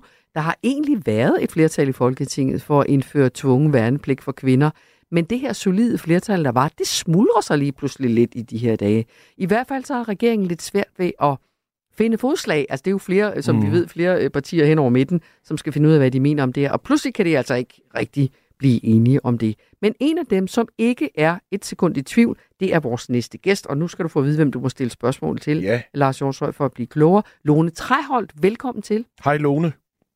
Tak skal du have. Hej Lars. Jeg skruer lidt op for dig, Lone, fordi så kan du det også. Så kan vi høre dig. Du er noget så fornem, og det er jeg alligevel lidt imponeret over, kan jeg mærke. Brigadegeneral af reserven, du er ligestillingsrådgiver ved, ved flyvevåbnet, og i 2016 blev du Danmarks første kvindelige general. Super flot. Tak skal du Man have. må have lov at sige det. Øh, det er jo, som du ved, meget bedre end så mange andre Lone Træholdt, frivilligt for kvinder. De kan godt melde sig til forsvaret, øh, men de kan, det er ikke en pligt. Og det er heller ikke en pligt at blive, hvis man starter, og man så tænker, det regner for meget, jeg vil hjem, eller hvad det nu kan være. Ikke? Hvis du skal råde regeringen, hvad er så dit bedste argument for, Lone Træholdt, at mænd og kvinder skal ligestilles, sidestilles, altså at der også skal være værnepligt for kvinder? I et demokrati af 2024 i Danmark, hvor vi ønsker at give hinanden lige muligheder, det kalder man også nogle gange ligestilling, jeg ønsker at kalde det lige muligheder, så kan jeg ikke se nogle argumenter for ikke at ligestille, også i værnepligten. Øh, Det er den ene del af det. Den anden del af det er, at jeg mener, at det, at vi er forpligtet over for samfundet, det gælder jo alle borgere, og ikke kun halvdelen af borgerne. Det gælder både kvinder og mænd. Så er det for kvindernes skyld eller for samfundets skyld, at du synes, der skal være ligestilling her? Det er for begge skyld. Okay. Jeg synes, jeg, synes øh, jeg, jeg har i hvert fald hørt, at, at der er en del kvinder, der siger, at vi er jo ikke ligestillet, øh, og det giver, det kan give os problemer på vores arbejdsplads, altså i forsvaret. Øh, og der er jo mange kvinder, jeg hører, der siger, at vi vil da selvfølgelig, vi, vi er jo lige så forpligtet over for vores som vores mandlige er. Så de unge mennesker i dag, der er mange af dem, der, der synes, at det er rimeligt. Så jeg synes, over for kvinderne er det, er det rimeligt. Over for samfundet synes jeg, det er rimeligt. Over for forsvaret, der får flere gode øh, medarbejdere, er det også rimeligt. Så det er svært for mig at se, øh, hvorfor det skulle være en dårlig idé. Mm-hmm. Lona, vi, vi har tidligere hørt det her med, at, at øh, kvinder så forlader forsvaret. Øhm, ja. Hvorfor gør de det? øh, både kvinder og mænd forlader forsvaret. Øh, det skal vi først. Man kan sige, at der er kun 5 procent af kvinderne, selvom der er 27 procent værnepligtige. Det er jo heller ikke alle værnepligtige mænd, øh, der bliver ansat i forsvaret og bliver i forsvaret.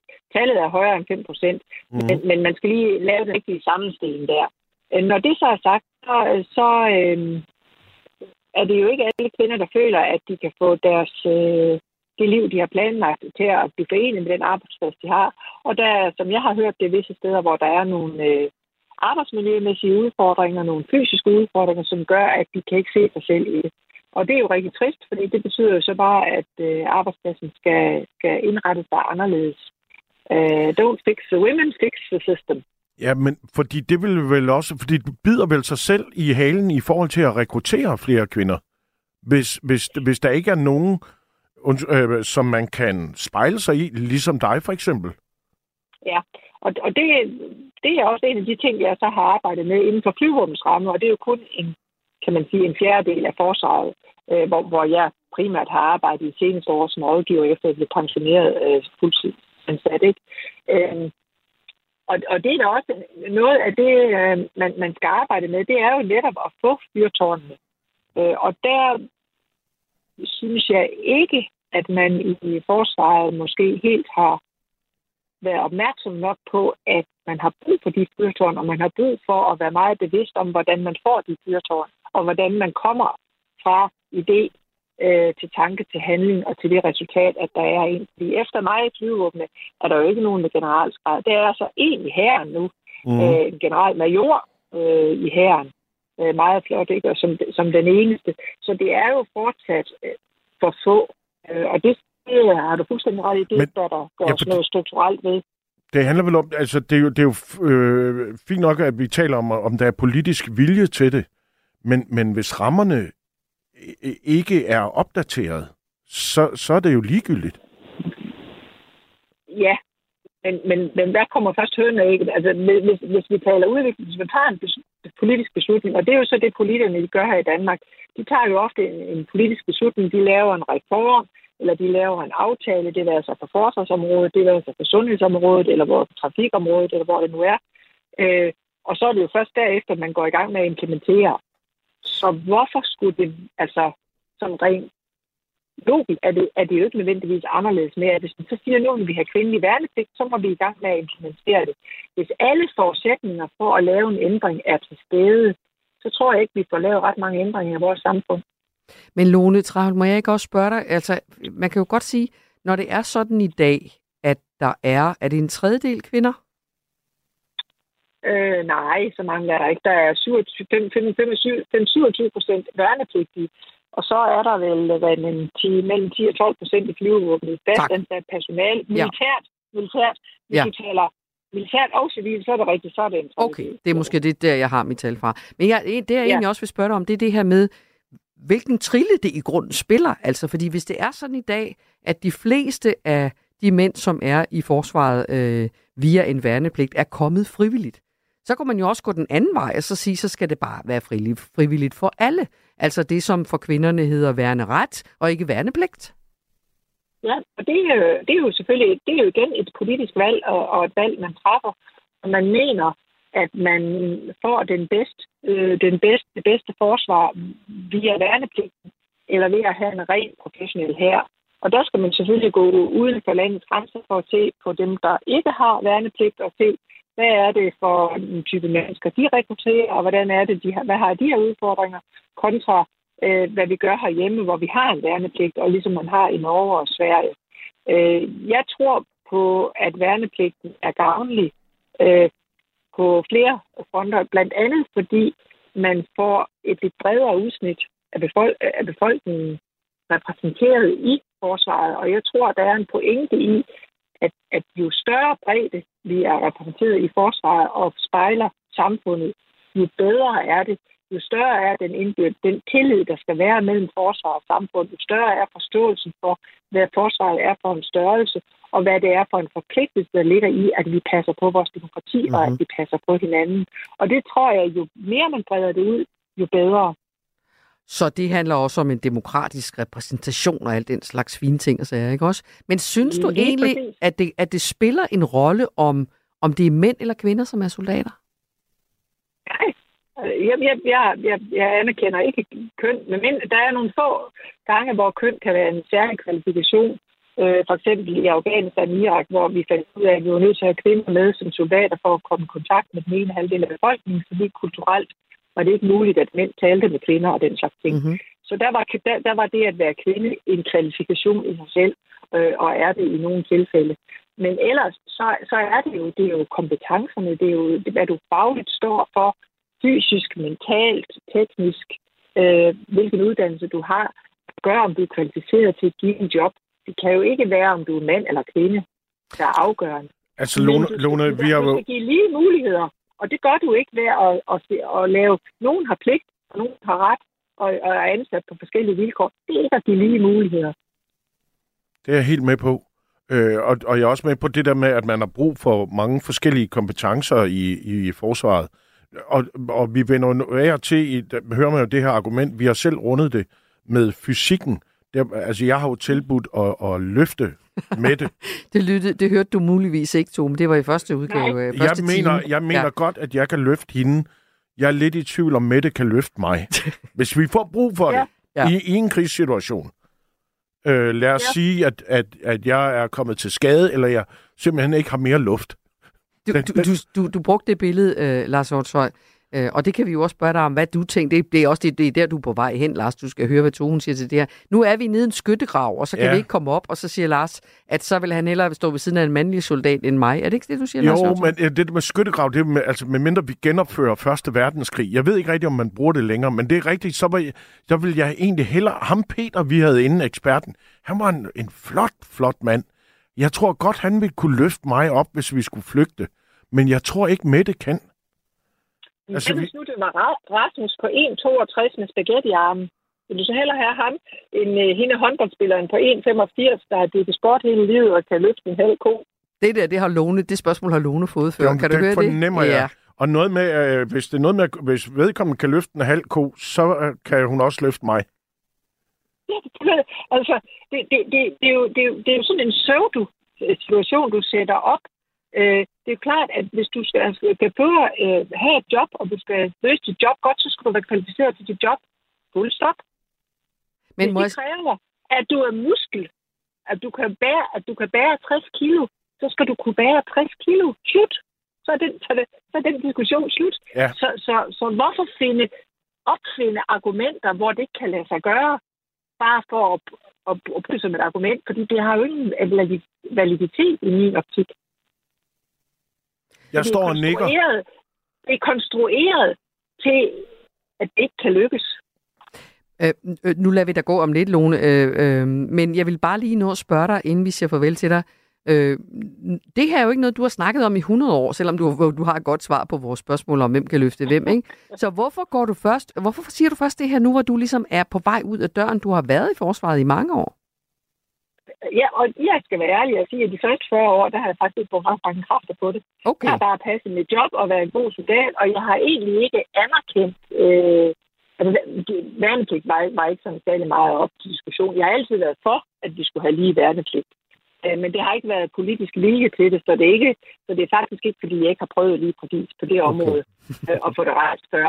Øh, så, så, så det er ikke noget nyt, jeg har fundet på, men jeg har ikke beskæftiget mig så meget med det, fordi jeg ikke har tænkt på, hvilken betydning det har. Det er faktisk først efter de sidste fem år, hvor jeg har uddannet mig lidt og forstår lidt mere om, hvordan, hvordan vi opfatter hinanden, og hvordan der er noget, der hedder unconscious bias, og hvordan filtre fungerer, og hvordan vi fungerer som mennesker indbyrdes. Der, der har jeg lært en hel masse nyt, der gør, at jeg ser tingene i et lidt andet perspektiv. Men kvindelig værnepligt, det har jeg været for lige siden jeg startede i forsvaret. Det er aldrig for sent at blive klogere og fortælle omverdenen om det. Og tak fordi du vil fortælle øh, det om, om det i dag øh, her hos os i Hovedet af Lone Træhold. Velbekomme.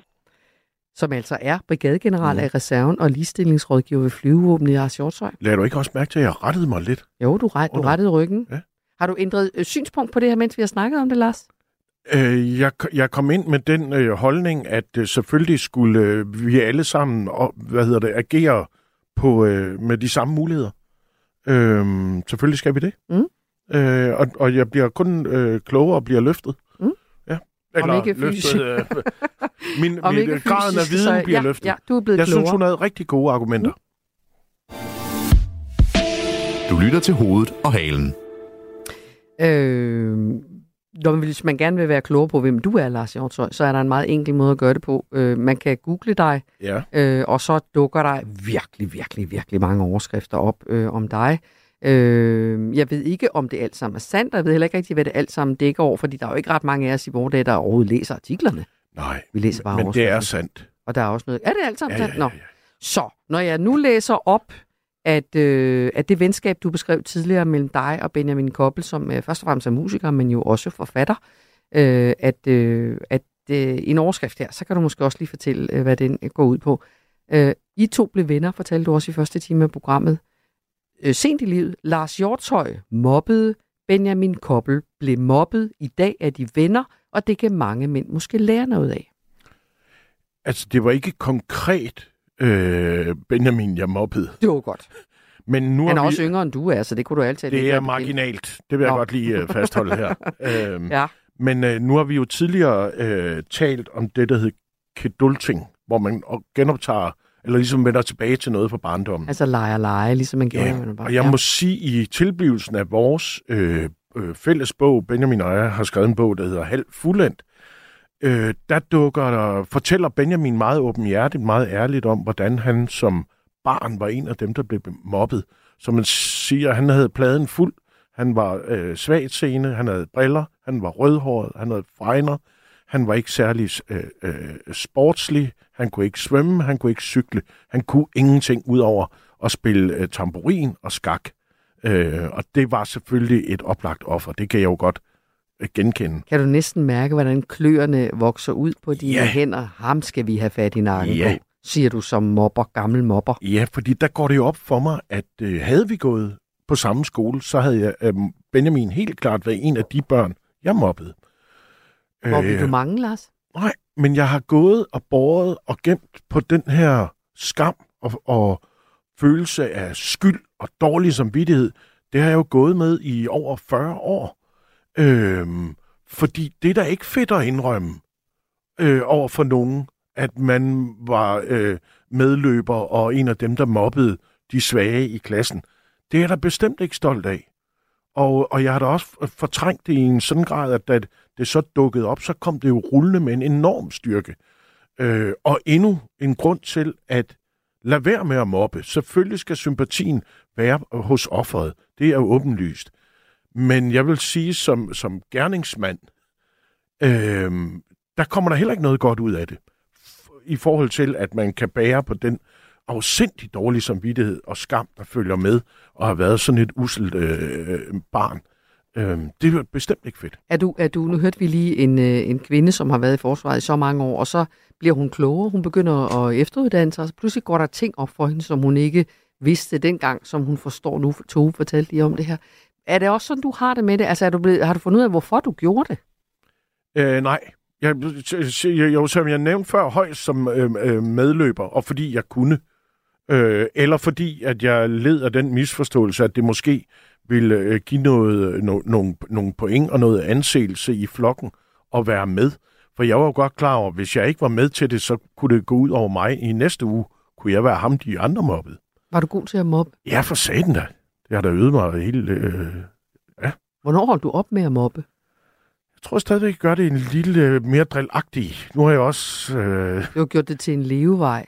jeg har gjort en lille smule til en levevej fra scenen, men det har jeg dog skruet ned fra i, øh, i, øh, i komikken.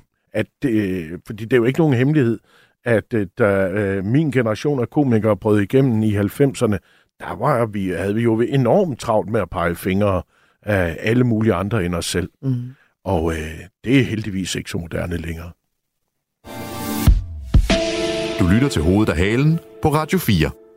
Nu svømmer vi videre i vores nyhedshav. I går kom en i hvert fald forløbig afslutning på en usædvanlig sag om en nigeriansk mand, som blev taget til fange af det danske forsvar, hvis det hedder det. Det gør det sikkert ikke, men det var nu engang det, jeg lige kunne finde ud af at, at kalde det. Øh, I et piratangreb i Guinea-bugten i efteråret 2021. Og lidt kortere fortalt, så er det historien om den etbenede pirat Lucky Francis, som nu øh, har fået opholdstilladelse i Danmark. Den nigerianske mand mistede sit ben under en ildkamp med den danske frigat Esben Snare. Der er meget forsvar i vores, øh, meget militær og meget forsvar i vores program i dag, Lars Hjortøj. Øhm, og fregatten tager ham så med ombord, og siden bliver han trans- de tager ham med hjem til Danmark. Øh, og de, tror jeg, men det kan vi få opklaret om lidt, når vi taler med Søren Nørby. Jeg tror ikke, de rigtig vidste, hvad de skulle stille op med ham. Han var jo i øvrigt også øh, alvorligt såret, fordi øh, vi, de, vi havde ligesom øh, vi ser ligesom, når vi spiller fodbold, men altså vi, det danske forsvar, havde jo skudt det ene ben af ham. Så de tager ham med øh, hjem til Danmark. Der bliver han stillet for en dommer. Han bliver dømt skyldig i medvirken til farforvoldelse mod danske soldater, og så bortfalder straffen så. Lucky Francis søger asyl i Danmark, og nu har han altså fået midlertidig opholdstilladelse. Hvordan i alverden er alt det her muligt, og hvordan går det til, at en mand med den historie i bagagen får lov til at blive i Danmark? Det skal vi forsøge at finde hoved og hale i nu. Og gudskelov har vi en ekspert, Søren Nørby. Velkommen.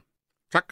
Adjunkt ved Forsvarsakademiet og piratekspert, og det må man godt kalde dig, Søren. Ja, jo. For du er medforfatter til en bog om pirater, ikke sandt? Jo, ja. den kommer her 15. februar. Nå, den er slet ikke udkommet nu. Desværre, Ah. desværre. Den burde jo være i handlen, men der, Ja, det kan man roligt sige. Øh, og, og, og, og, øh, og det er den nye type pirater, ikke de gamle, vel? det er den nye type. Ja. Ja. Det er dem, som vi har været indsat mod nede ved Afrikas Horn fra 2008 til 15, mm-hmm. og så Mhm. dem, vi, eller nogle andre slags, vi mødte nede i Guinea-bugten, hvor Lucky jo så var en Hvor, af dem. hvor Lucky Francis var. Jeg insisterer altså på at give ham et efternavn, for ellers så bliver det altså for kulørt for mig. Ja, øh, Det er et fantastisk navn, han har ja, altså, til den her situation. Ja, Ja, ja. Øh, Søren, hjælp os lige. Hvorfor sendte vi i sin tid overhovedet den her frigat afsted til Guinea-bugten? Jamen det gjorde vi, fordi at øh, vi er en stor søfartsnation, og øh, i Guinea-bugten, der var der piratangreb på skibsfart, både på dansk og på øh, øh, skibe fra andre lande. Og det er store små skibe. Det er fregatter, en kæmpe stor... Øh, ja, ja, ja, ja. Det er noget af det største, eller det, det er det største, vi har. Ja. Det, det, det er en fregat. Mhm. Mm-hmm. Øh, men den sendte vi derned for at patruljere og for at sørge for, at de her pirater, de øh, blev i land, mens mm-hmm. vi var der. Og så er der den her ildkamp. Egentlig skulle de jo mest øh, patruljere. De skulle stå, se store, farlige fregatagtige ud. Er det ikke rigtigt? Jo, Ja, jo, jo. de skulle afskrække de her gummibåde inden for kysten med ludfattige nigerianere til ja. at komme susende ud og overhovedet så meget som overveje at begynde at, øh, at øh, stanse de her både og afkræve løsesum og hvad de ellers havde i gang i mange af de her. Ikke? Øh, men, men den her ildkamp, hvordan starter den så? Jamen, den starter ved, at skibet får at vide, at der er et sandsynligt piratangreb i gang, og øh, så sejler man alt, hvad rammer og tøj kan, kan klare hen til det sted, hvor man har fået at vide, der måske er pirater. Der møder man den her skif, som man kalder den, altså sådan en stor glasfiber motorbåd med nogle meget store motorer. Og så det var ikke nogen gummibåd? Nej, det er ikke en gummibåd. Nej, nej. nej, Øh, øh, ja, men, men den er så fyldt med nogle folk, som man kan se har øh, våben og stiger og lignende med, og det er jo altså ikke ting, man har med, som bare er fisker. Så fra dansk side, så sender man en helikopter hen og øh, forsøger at få stoppet den her båd, inden den kan kapre et af skibene i bugten. Og øh, danskerne skyder varselskud, piraterne skyder igen, og det ender så med, at de også skyder mod en dansk gummibåd, der kommer sejlende med nogle frømænd i, og øh, de skyder så også igen, og der dør så sandsynligvis fire, eller der, der, der dør fire, og en forsvinder i, i vandet, formodes omkommet. Og øh, så har vi så de sårede, der hvor Lucky jo er den eneste af dem. Mm.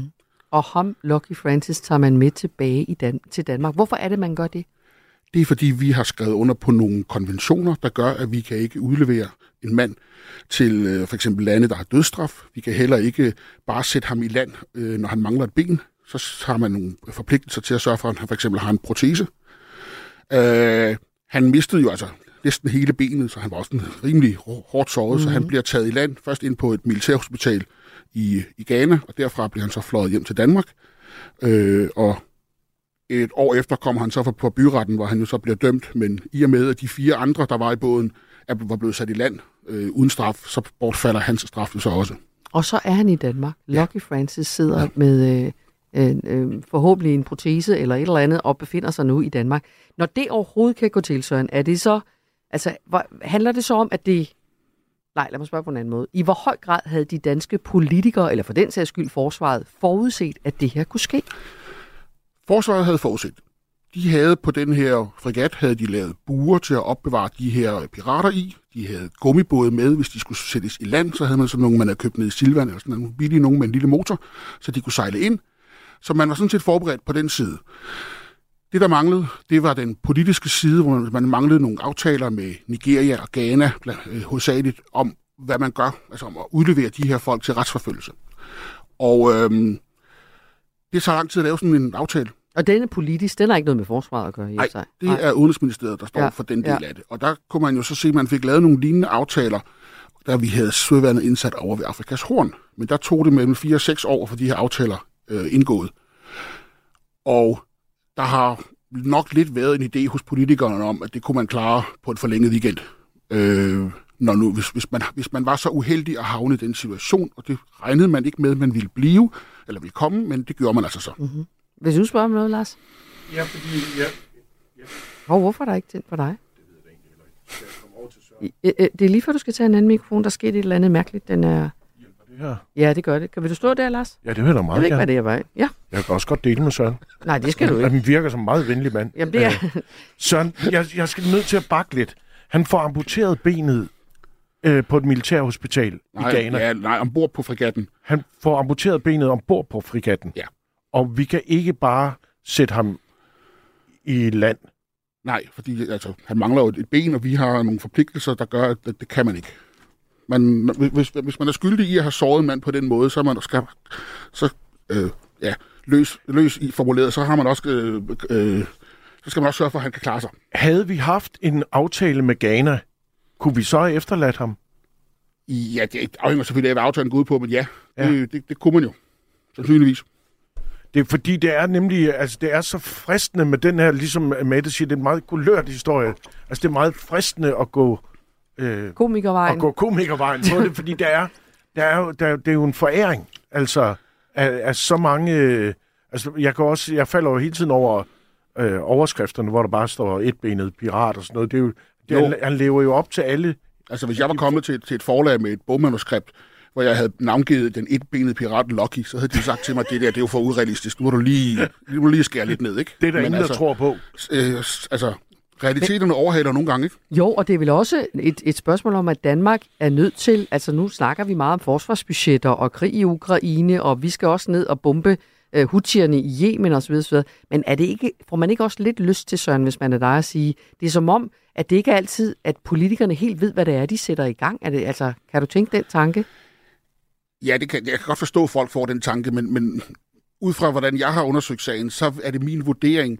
Jeg ved ikke, om I kan huske, der var to danskere, som meget ulykkeligt sad næsten, eller over 800 dage, øh, øh, Søren og Eddie hed. Jo, Øhm, det kan du tro. og fra politisk side er det min vurdering, at man var bange for at havne i en lignende sag fra, med, med danske eller vestlige gisler, der sad så længe øh, og blev ødelagt som mennesker.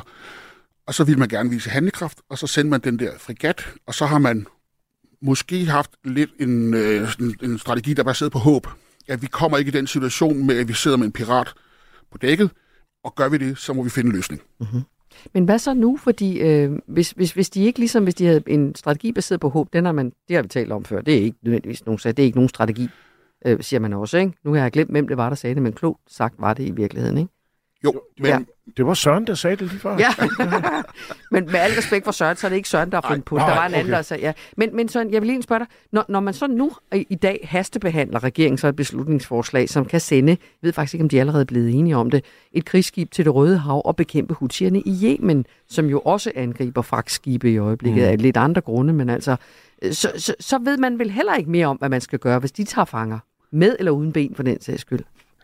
Altså, hvis man tager dem, og de ikke er såret, så kan man sætte dem i land. Okay. Og det har man jo gjort nede ved Afrikas horn i rigtig mange tilfælde. Men hvorfor tager man dem så? Altså, det er for, at de skal holde op med at skyde på en, eller Jamen, hvad? altså, du kan jo ikke bekæmpe pirateri ved at gå efter den enkelte pirat, fordi der er så mange fattige nede i det område, at du kan hente 500 nye pirater. Så det, man går efter, det er øh, logistikken. Det er at tage deres motorbåde, tage deres motorer. Man, man gør det, hvis du finder en, en motorbåd ud til søs med, med pirater i, så tager du motorerne fra dem, og så giver du dem to øh, femhestes motorer, så, så kan de godt nå i land. Det tager bare lidt længere tid. Mm-hmm. Øhm, for så stopper man det. Så det er bagmændene, det er dem, der skyder penge i sagen, man kan have fat på, og have få dem til at sige, de kan ikke betale sig at lave det her pirateri, vi vil hellere smule narko eller mennesker, eller hvad de nu ellers kunne finde på. De, de, de, det er sjældent, de går hen og bliver lovlydige borgere. Mm-hmm. Så. Og nu har han altså fået, nu har Lucky fået opholdstilladelse. Hvad er den begrundet i? Det ved jeg ikke. Ja, eller jo, det vil sige, det er jo begrundet i, at hvis han vender hjem til Nigeria, så vil de nigerianske myndigheder jo sandsynligvis retsforfølge ham for de, han i Danmark er dømt for at være pirat. Og han risikerer dødsstraf. Så, så kan man få øh, i hvert fald øh, forløbig opholdstilladelse, ikke? Ja. Jo. Øh, men, men, øh, men, øh, men spørgsmålet er selvfølgelig, om han bliver ved med at have opholdstilladelse, og det, hvad sker der så? Og jeg kan også huske, at han havde nogle børn, som han havde efterladt tilbage sammen med en søster eller et eller andet, og hvad skal der måske med dem? Skal de også komme til Danmark osv.? Altså, og, og det, det er vel, altså, det, det, det er svært, den her, ikke? Jo, Fordi, vi, må jeg sige ting? Ja, det må du. Fordi at ja, vi, vi, som skatteborger i Danmark kan det være, at man kommer til at sidde med ham her, Lucky, i de næste rigtig mange år. Men vi kan se på, hvor meget pirateriet faldt i Guinea-bugten efter den her episode. Og jeg vil gerne som skatteborger betale for, at Lucky kan sidde og hvad han nu kan finde på at lave, hvis det betyder, at der er fem eller ti vestlige danske søfolk, der ikke er blevet taget som pirater. Mm-hmm. Men det er som min personlige Det det, er vurdering, ja. men Ja. altså det, det, det synes jeg er relativt billigt Så slået. det har en afskrækkende effekt, tror du? Der var stort set ikke nogen pirateriaktiviteter i månederne efter 24. november, hvor vi havde den der, det der møde med piraterne. Så det, De, de blev i land. det her er jo en, øh, en politisk værdikamp af dimensioner, men du tror ikke, at alle de andre pirater vil sige, at vi vil også have vil også gerne skyde til foden, og så vil vi også til Danmark. Altså, jeg er sikker på, at de gerne vil til Danmark, men jeg tvivler på, at de vil ofre et ben for det, men det, det, det skal jeg ikke kunne sige. Er du helt med? Har du fundet hoved og hale i det her, Lars? Ja, men jeg, jeg står og lægger låg på, fordi... Er, den- er, det, er det komiker Lars, der, der er ja, på vej fordi ud af jeg tænker, sin krop? det, det er fordi Søren sagt? snakker om, hvad skal han nu lave og sådan noget. Og det der med at mangle et ben har ikke normalt forhindret øh, sørøver i at fortsætte med det, de gør. Det er sandt, det er sandt. Der er, der er mulighed for diverse øh, villigheder, ja. Ja. jeg gerne give. Men Ja. altså, Ja. jeg synes stadigvæk, at det var en god mission, vi havde nede i Guinea-bugten, og som gav mening. Er der så manglet lidt politisk her omkring, hvad vi gjorde med, med Lucky? Det er en pris, jeg gerne betaler, men igen, det er min personlige holdning. Søren, kommer der flere af de her sager, tror du? Altså, nu har I skrevet bogen, den udkommer lige om lidt. Altså, det, er det, er det, er det, er det slut med pirateri? Eller for det, nu er det jo ikke det, hutierne gør, skal vi lige huske at sige, men det er en protest mod, mod den uh, internationale verdens holdning til det, der sker i Gaza osv. Men altså, er det, er, det, er det her med til, at tror du, at nu stopper det her, altså? Altså, da man grundlagde Søværnet i 1510, der var det med det argument, at vi skulle bekæmpe pirater i Østersøen. Var det det? Ja. Det er sjovt. Øh, det, var der, kongen, det var kongens øh, undskyldning for at indkræve sundtol øh, de næste mange hundrede år. Øhm, så pirateri har altid været og vil altid være en del af søværnets opgaver. Om det er hovedopgaven, det er det jo ikke i øjeblikket, fordi Putin laver så meget ballade, som han nu gør. Hvis der bliver fred i Ukraine, og Putin holder op med det, han holder op med, jamen så har søværnet måske igen øh, ressourcer til at lave den her slags politiopgaver. Men ikke i Østersøen dog, Lars Hjortøj. Nej, altså, øh, det er jo et drama, det er jo, det er jo åbenbart forbeholdt alle mulige andre steder. Mm. Øhm, ja. Er der mere, du vi skal spørge om, synes du? Nej, jeg, jeg, der er jo tusind ting, men, men det er mere i den, øh, i den kulør. I kunne det, dem gemmer Jamen, du. Du skriver små noter Ja, det- øh, prøv at- jeg har til sk- dit kommende stand-up show. Ja, og jeg, har, så, skrevet, øh, ja, jeg, ja, jeg har skrevet ja. alt muligt ned Ja, her. det- Ja, og ja. jeg har også spurgt Søren om det, jeg gerne ville. Okay. En ting, Søren, kræver det her individuelle aftaler med alle de øh, individuelle lande, eller i det øjeblik, man opererer ude i sådan noget farvand, er der så et eller andet øh, øh internationalt gældende, man kan læne sig ind i? Vi har lavet, øh, så vidt jeg er orienteret, individuelle, individuelle aftaler med landene nede omkring Afrikas horn. Øh, og vi har jo også betalt fængsler dernede, sådan så for, netop for, at de her folk skulle sidde under øh, ordentlige forhold. Øh, sørget for, at, de, altså, at, at tingene var i orden. Det skal man jo igen, fordi vi har underskrevet de her interna- internationale konventioner. Så øh, det, er, det er prisen. Tak skal du have, Søren. Det var så lidt. Fordi du vil komme og fortælle Søren Nørby, adjunkt ved Forsvarsakademiet og piratekspert. Du lytter til hovedet og halen. øh, fra pirateksperter øh, til noget ganske, ganske andet. Og jeg har ikke fundet på en øh, bedre måde at øh, lave en overgang fra en historie til en anden, øh, selvom jeg efterhånden har gjort det her i mange år, Lars. Kan du ikke øh, tænke over det, når du alligevel øh, står og rykker rundt mellem de to mikrofoner? Vi kan ikke helt... Skal vi lige Kan du prøve- høre mig nu? Ja, jeg kan godt. Jeg, jeg har fundet ud af, hvorfor vi ikke kan høre mig over på den anden mikrofon. Hvad har du lavet? Ej. Kan du se det? Jeg har en idé om, at det, det jeg her synes, vi stik, kalder pirateksperten tilbage igen, og så han kan fortælle, hvordan vi skal undgå, ja. at, øh, at øh, gæsteværterne ligefrem saboterer deres egen medvirken. Jeg du, har, glemte- du har hævet stikket. Jeg ved ikke, hvad det er. Jeg glemte at spørge Søren om en ting. Jeg kan Ja. huske, da historien kom frem, så var der en, men, men Søren er, han er jo journalist, han er jo ikke. Nej, Søren er ekspert på er Forsvarsakademiet. Ja, ja, ja. Der var en, der hele tiden udtalte sig på Forsvarsakademiets vegne, som dengang historien kom frem, havde klap for øjet. Og det gav ligesom historien et ekstra dimension, at han havde åbenbart, jeg ved ikke, en, om han har fået fjernet noget, eller der var en øjen, men han udtalte, han var hele tiden i medierne. Jeg tror, jeg tror godt, jeg ved, hvem du taler om. Det er Lars Bangert Struve. Han havde klap for Mm. øjet og udtalt sig om, om sørøver. Det kunne jeg godt lide. Han Ja. var ligesom klædt ud til lejligheden. Ja. Det Jeg gav tror- øh, ekstra øh, vægt, Jeg synes jeg. tror, jeg tror faktisk, jeg er ikke sikker på, at han har det mere, men øh, det er rigtigt. Så, nu, farvel, komiker Lars Hjortshøj. Det var bare en strøtanke. Yes, men det er også rigtigt. Ellers havde jeg spurgt Søren, hvordan går det med øjet? Hvorfor du ikke klap på Hør engang, øh, er du bilmand, Lars Hjortshøj? Nu hold op med at stå og fumle med det der, Du Lars. spørger, om jeg er bilmand. Jeg har lige ødelagt halvdelen af dit. Nej, det er jeg ikke med det. Du må jeg godt kører- lægge den fra dig, det der stik, fordi vi, det, vi kan ikke stå og ordne det, mens Jeg, vi sender, Lars. øh, jeg, jeg burde jo egentlig sige, jeg fragter mig rundt, fordi jeg er meget, meget glad for at optræde rundt omkring i hele landet. Jeg kører omkring 40.000 kilometer om året. Hold da op. Det er rimelig meget. Mm-hmm. Øh, og det bringer mig rundt der, hvor jeg nu skal frem og, og underholde. Ja. Øh, så jeg tilbringer utrolig meget tid i min bil. Og jeg er meget glad for at køre, men, men når det er forbundet, det skal bare være forbundet med, med komfort og, øh, og sikkerhed. Den skal starte. Og jeg skal også nogle gange, hvis jeg optræder steder, hvor det er gået knap så godt, så skal jeg også kunne komme ud af byen. I en fart. I, i en vældig fart. Kører du, overholder du hastighedsgrænserne, når du kører det så plejer meget? jeg normalt, men det er lige sket det, at jeg faktisk har fået et klip i Nå, kørekortet. har du det? Hvor, hvor, for at køre hvor meget for hurtigt? Hvis du vil ud med sproget. En detalje. Jeg tror, jeg kører omkring 75, hvor jeg må køre 60. Nå, det er en af de der virkelig Det irriterende. er en af dem, hvor jeg kommer med 140 ude på motorvejen, og så er det en hård, hård opbremse. Så skal man ned på 60. Okay. Og øh, den, den havde Den jeg missede altså, du lige. Ja. Nu skal du høre, øh, det jo handler jo alt sammen om, at øh, TV2 Fyn øh, har en historie i dag, som, som øh, beskriver, hvordan et auktionshus på Fyn, Tinkers Auktioner, på lørdag bortaktionerer 20 biler, som er blevet konfiskeret af politiet. Man kan simpelthen komme til Odense på lørdag og byde på brugte biler. Budet starter ved 25 kroner stykket. Det er med og billigt.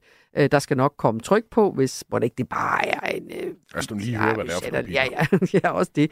Men det er sådan i dag, for lige at tage den med, at politiet må konfiskere indregistrerede køretøjer, hvis man bliver taget i spirituskørsel med en promille på to eller derover, at man bliver taget i at køre uden gyldigt kørekort tre gange i frakendelsestiden. Og det nyeste skud på stammen, det er, at der i 2021 blev indført regler om vanvidskørsel, som altså betyder, at man kan få konfiskeret sin bil, hvis man kører særligt hensynsløst.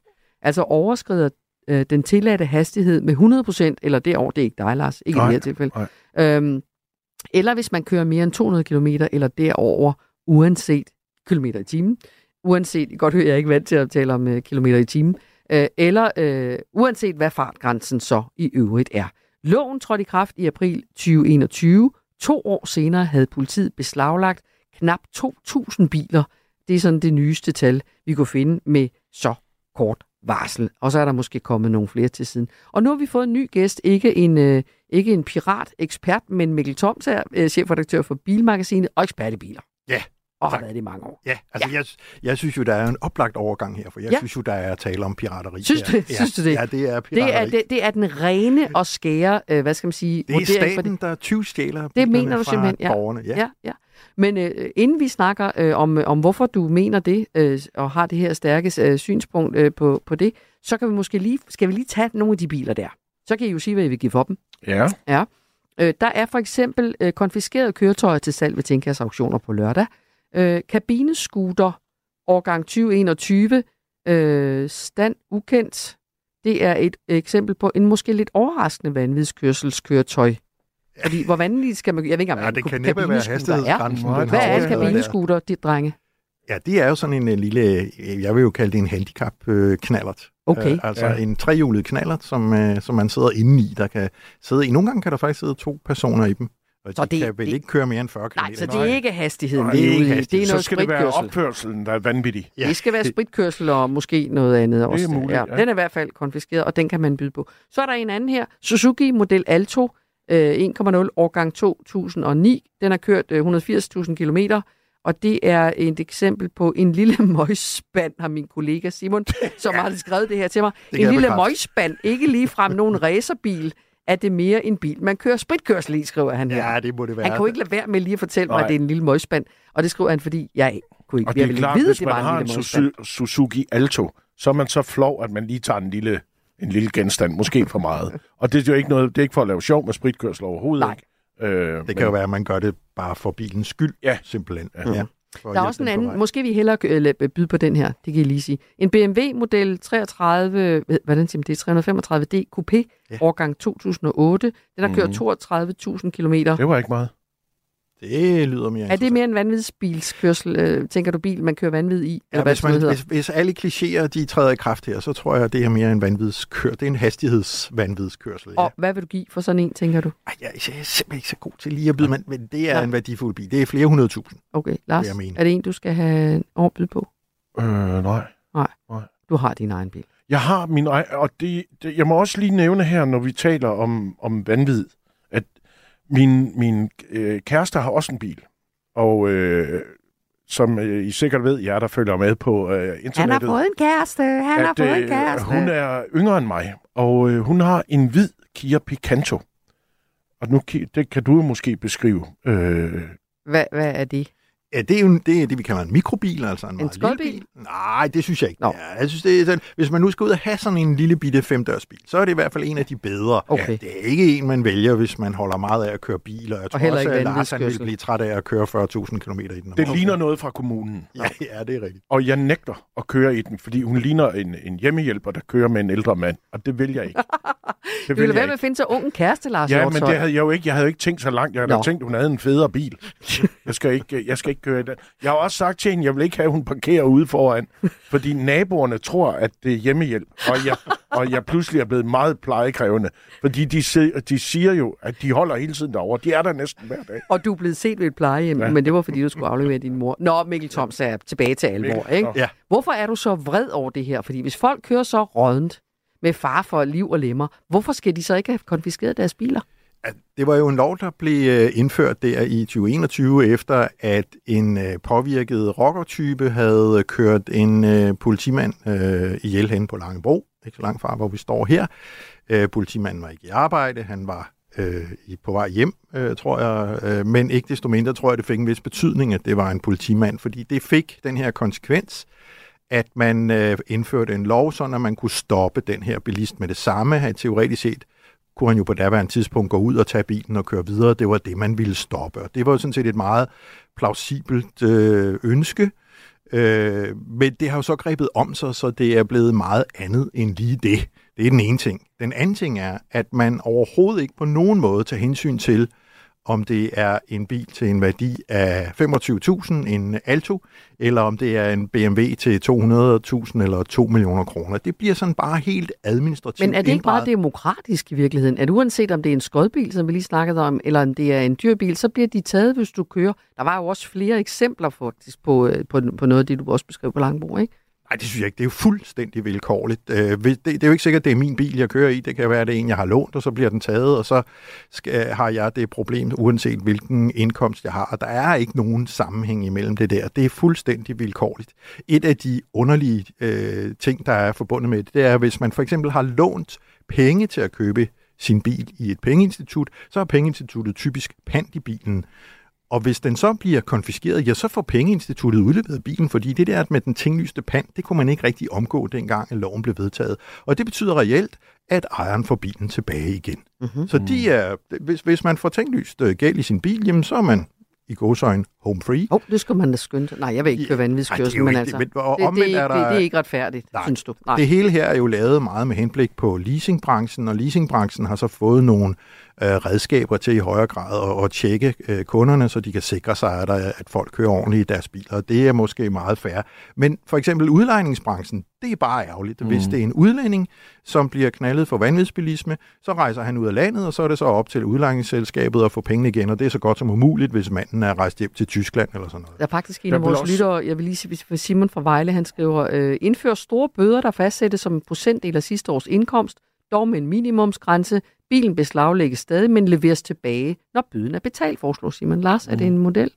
Ja, det kunne det være. Men det er, jeg, helt- altså, det er sådan set ikke straffen i sig ja. selv. Altså, straffen kan være en million for min skyld. Det, der er mit grundlæggende problem, det er, at straffen her er vilkårlig. Mhm. Mm-hmm. Altså, det er fuldstændig vanvittigt, øh, om det er det ene eller det andet. Det er helt vilkårligt. Ingen ved, om det er det ene eller det andet. Det lød også som, om, de, som om det meget øh, høj, høje tal, altså antallet af de biler, man, man har beslaglagt. Havde man, havde, havde man, kunne man beregne det? Kunne man forudse, at det ville ende? Det, det var i hvert fald ikke det, man gjorde. Dengang lovforslaget blev fremsat, så vurderede man, at der var tale om et forholdsvis lille antal om året, altså under 100. Nu hører det med til historien her, at det med at, at, at, at, at inddrage biler for spiritus og for gentagende kørsel uden øh, kørekort, det eksisterede allerede i forvejen. Det, der kom i 21, det var det her med Ja, med vanvidskørsel. fart, med vanvids, Og var- altså med ja, ja. hastigheden. Ikke? Jo. Men en af de underlige Foregår det ting... ikke, undskyld, jeg spørger, det kan godt være, det dumt. foregår det ikke i stjålne biler? Mm, det kan det jo også. Det kan det jo også, men så vil ejeren typisk, altså det er ikke altid, men så vil ejeren, hvis, hvis han kan dokumentere, at den er stjålet osv., så, så, kan, så vil ejeren få bilen tilbage igen som regel. Men en, en ting, som jeg for eksempel har undret mig så over, det er kørsel imod kørselsretningen på en motorvej. Det er konfiskationsberettiget. Og det er jo lidt sjovt at tænke på, hvem er det lige, der kører den forkerte vej på en motorvej. Mm. Det kunne selvfølgelig godt være en vanvidsbilist, som ønsker at undslippe politiet, men sandsynligheden er jo nok, som det skete i Sønderland, at det er en ældre, en lille smule forvirret dame, som ja. øh, lige har mistet orienteringen. Øh, og hun mistede så sin bil. Men, hun slap dog for fængsel, som jo i øvrigt er en, en følgestraf. Men, men Mikkel Toms er chefredaktør for Bilmagasinet. Skal, det, skal straffe udmåles efter, hvem det er, der begår forseelsen, eller skal det udmåles efter, hvor alvorlig forseelsen er? Forstår du, hvad jeg mener?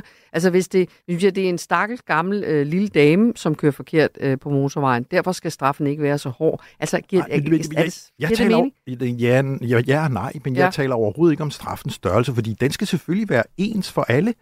Eller man kan sætte den i forhold til lønnen, som det lige blev foreslået for et øjeblik siden. Det synes jeg sådan set mm. er helt fair. Øh, og, og hvis man ønsker at slå hårdt ned på det her og sige, det skal bare være ligesom man har med visitationszoner eller dobbelt straf i, ved, ved, ved vejarbejder, eller hvad det nu måtte være, så er det sådan set helt firkantet. Det, jeg har et problem med her, det er, at straffen er fuldstændig vilkårlig. Mhm. Mm-hmm. Og hvis man er pant i bilen, så får man ingen straf. Og hvis man har lånt en dyr bil af sin far, så er det ens far, der får problemet. Øh, Hvis det er en billig bil, og det er jeg ikke i tvivl om, det er der nogle af de her mennesker, som har fået konfiskeret bilen, som spekulerer i, ikke? De kører bare i en gammel møgspand, som Mhm. alligevel ikke kan synes, så gør det ikke noget. Det er fuldstændig vilkårligt. Det er det, der er, er generer mig. Lars? jeg, jeg, jeg har lige et, et Ja, du er eksempel. så skide jeg- tosset over det. Jeg Ja, ja, vildt. ja, jamen, så Det ud er- med det. er- Jeg, jeg det. står bare, og jeg var enig, fordi vi, Du står lige, vi skal være Ja, lige du for står loven. med hænderne over, kor, øh, Ja, det er- øh, armene over fordi korset. jeg- jeg- Det er fordi, vi er i gang med at danne en front her. Det, Ja, det kan jeg godt mærke det. Puh, Ja. ja. Ja. Nej, men der, her i efteråret havde vi en sag... Jeg skal i hvert fald ikke ud og køre med dig efter det interview, for jeg, jeg jeg kører fornemmer, du er helt oppe i det røde. Ja, det er så noget andet, men jeg kører nu i øvrigt rigtig, rigtig pænt, Lars, så det kan du godt tåle.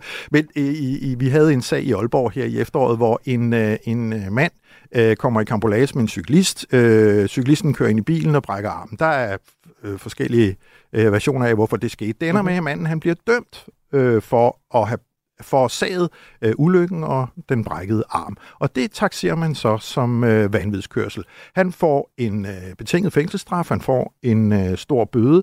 Øh, derudover så vil man give ham en bøde i form af en øh, månedsløn som en ekstra bøde. Øh, og det siger øh, retten så, nej, det kan vi ikke, fordi så alvorligt var det ikke. Men bagefter, så tager de hans Mercedes til en værdi af 655.000. Og det kan man bare gøre. Mikkel, Tom sagde, at vores tid løber, fordi I er så tosset over det her begge to. Hvad, hvad, har du bud på, hvad man ellers skal gøre, sådan et, der kun tager cirka 15 sekunder? Eller Man skal give bøder i forhold til øh, straffens størrelse, og den skal ikke være vilkårlig. Jeg er helt med på, at det kan være en hård straf. Den skal bare stå mål med forbrydelsen, og ikke være fuldstændig vilkårlig i forhold til, hvilken bil man tilfældigvis kørte i. Mm-hmm.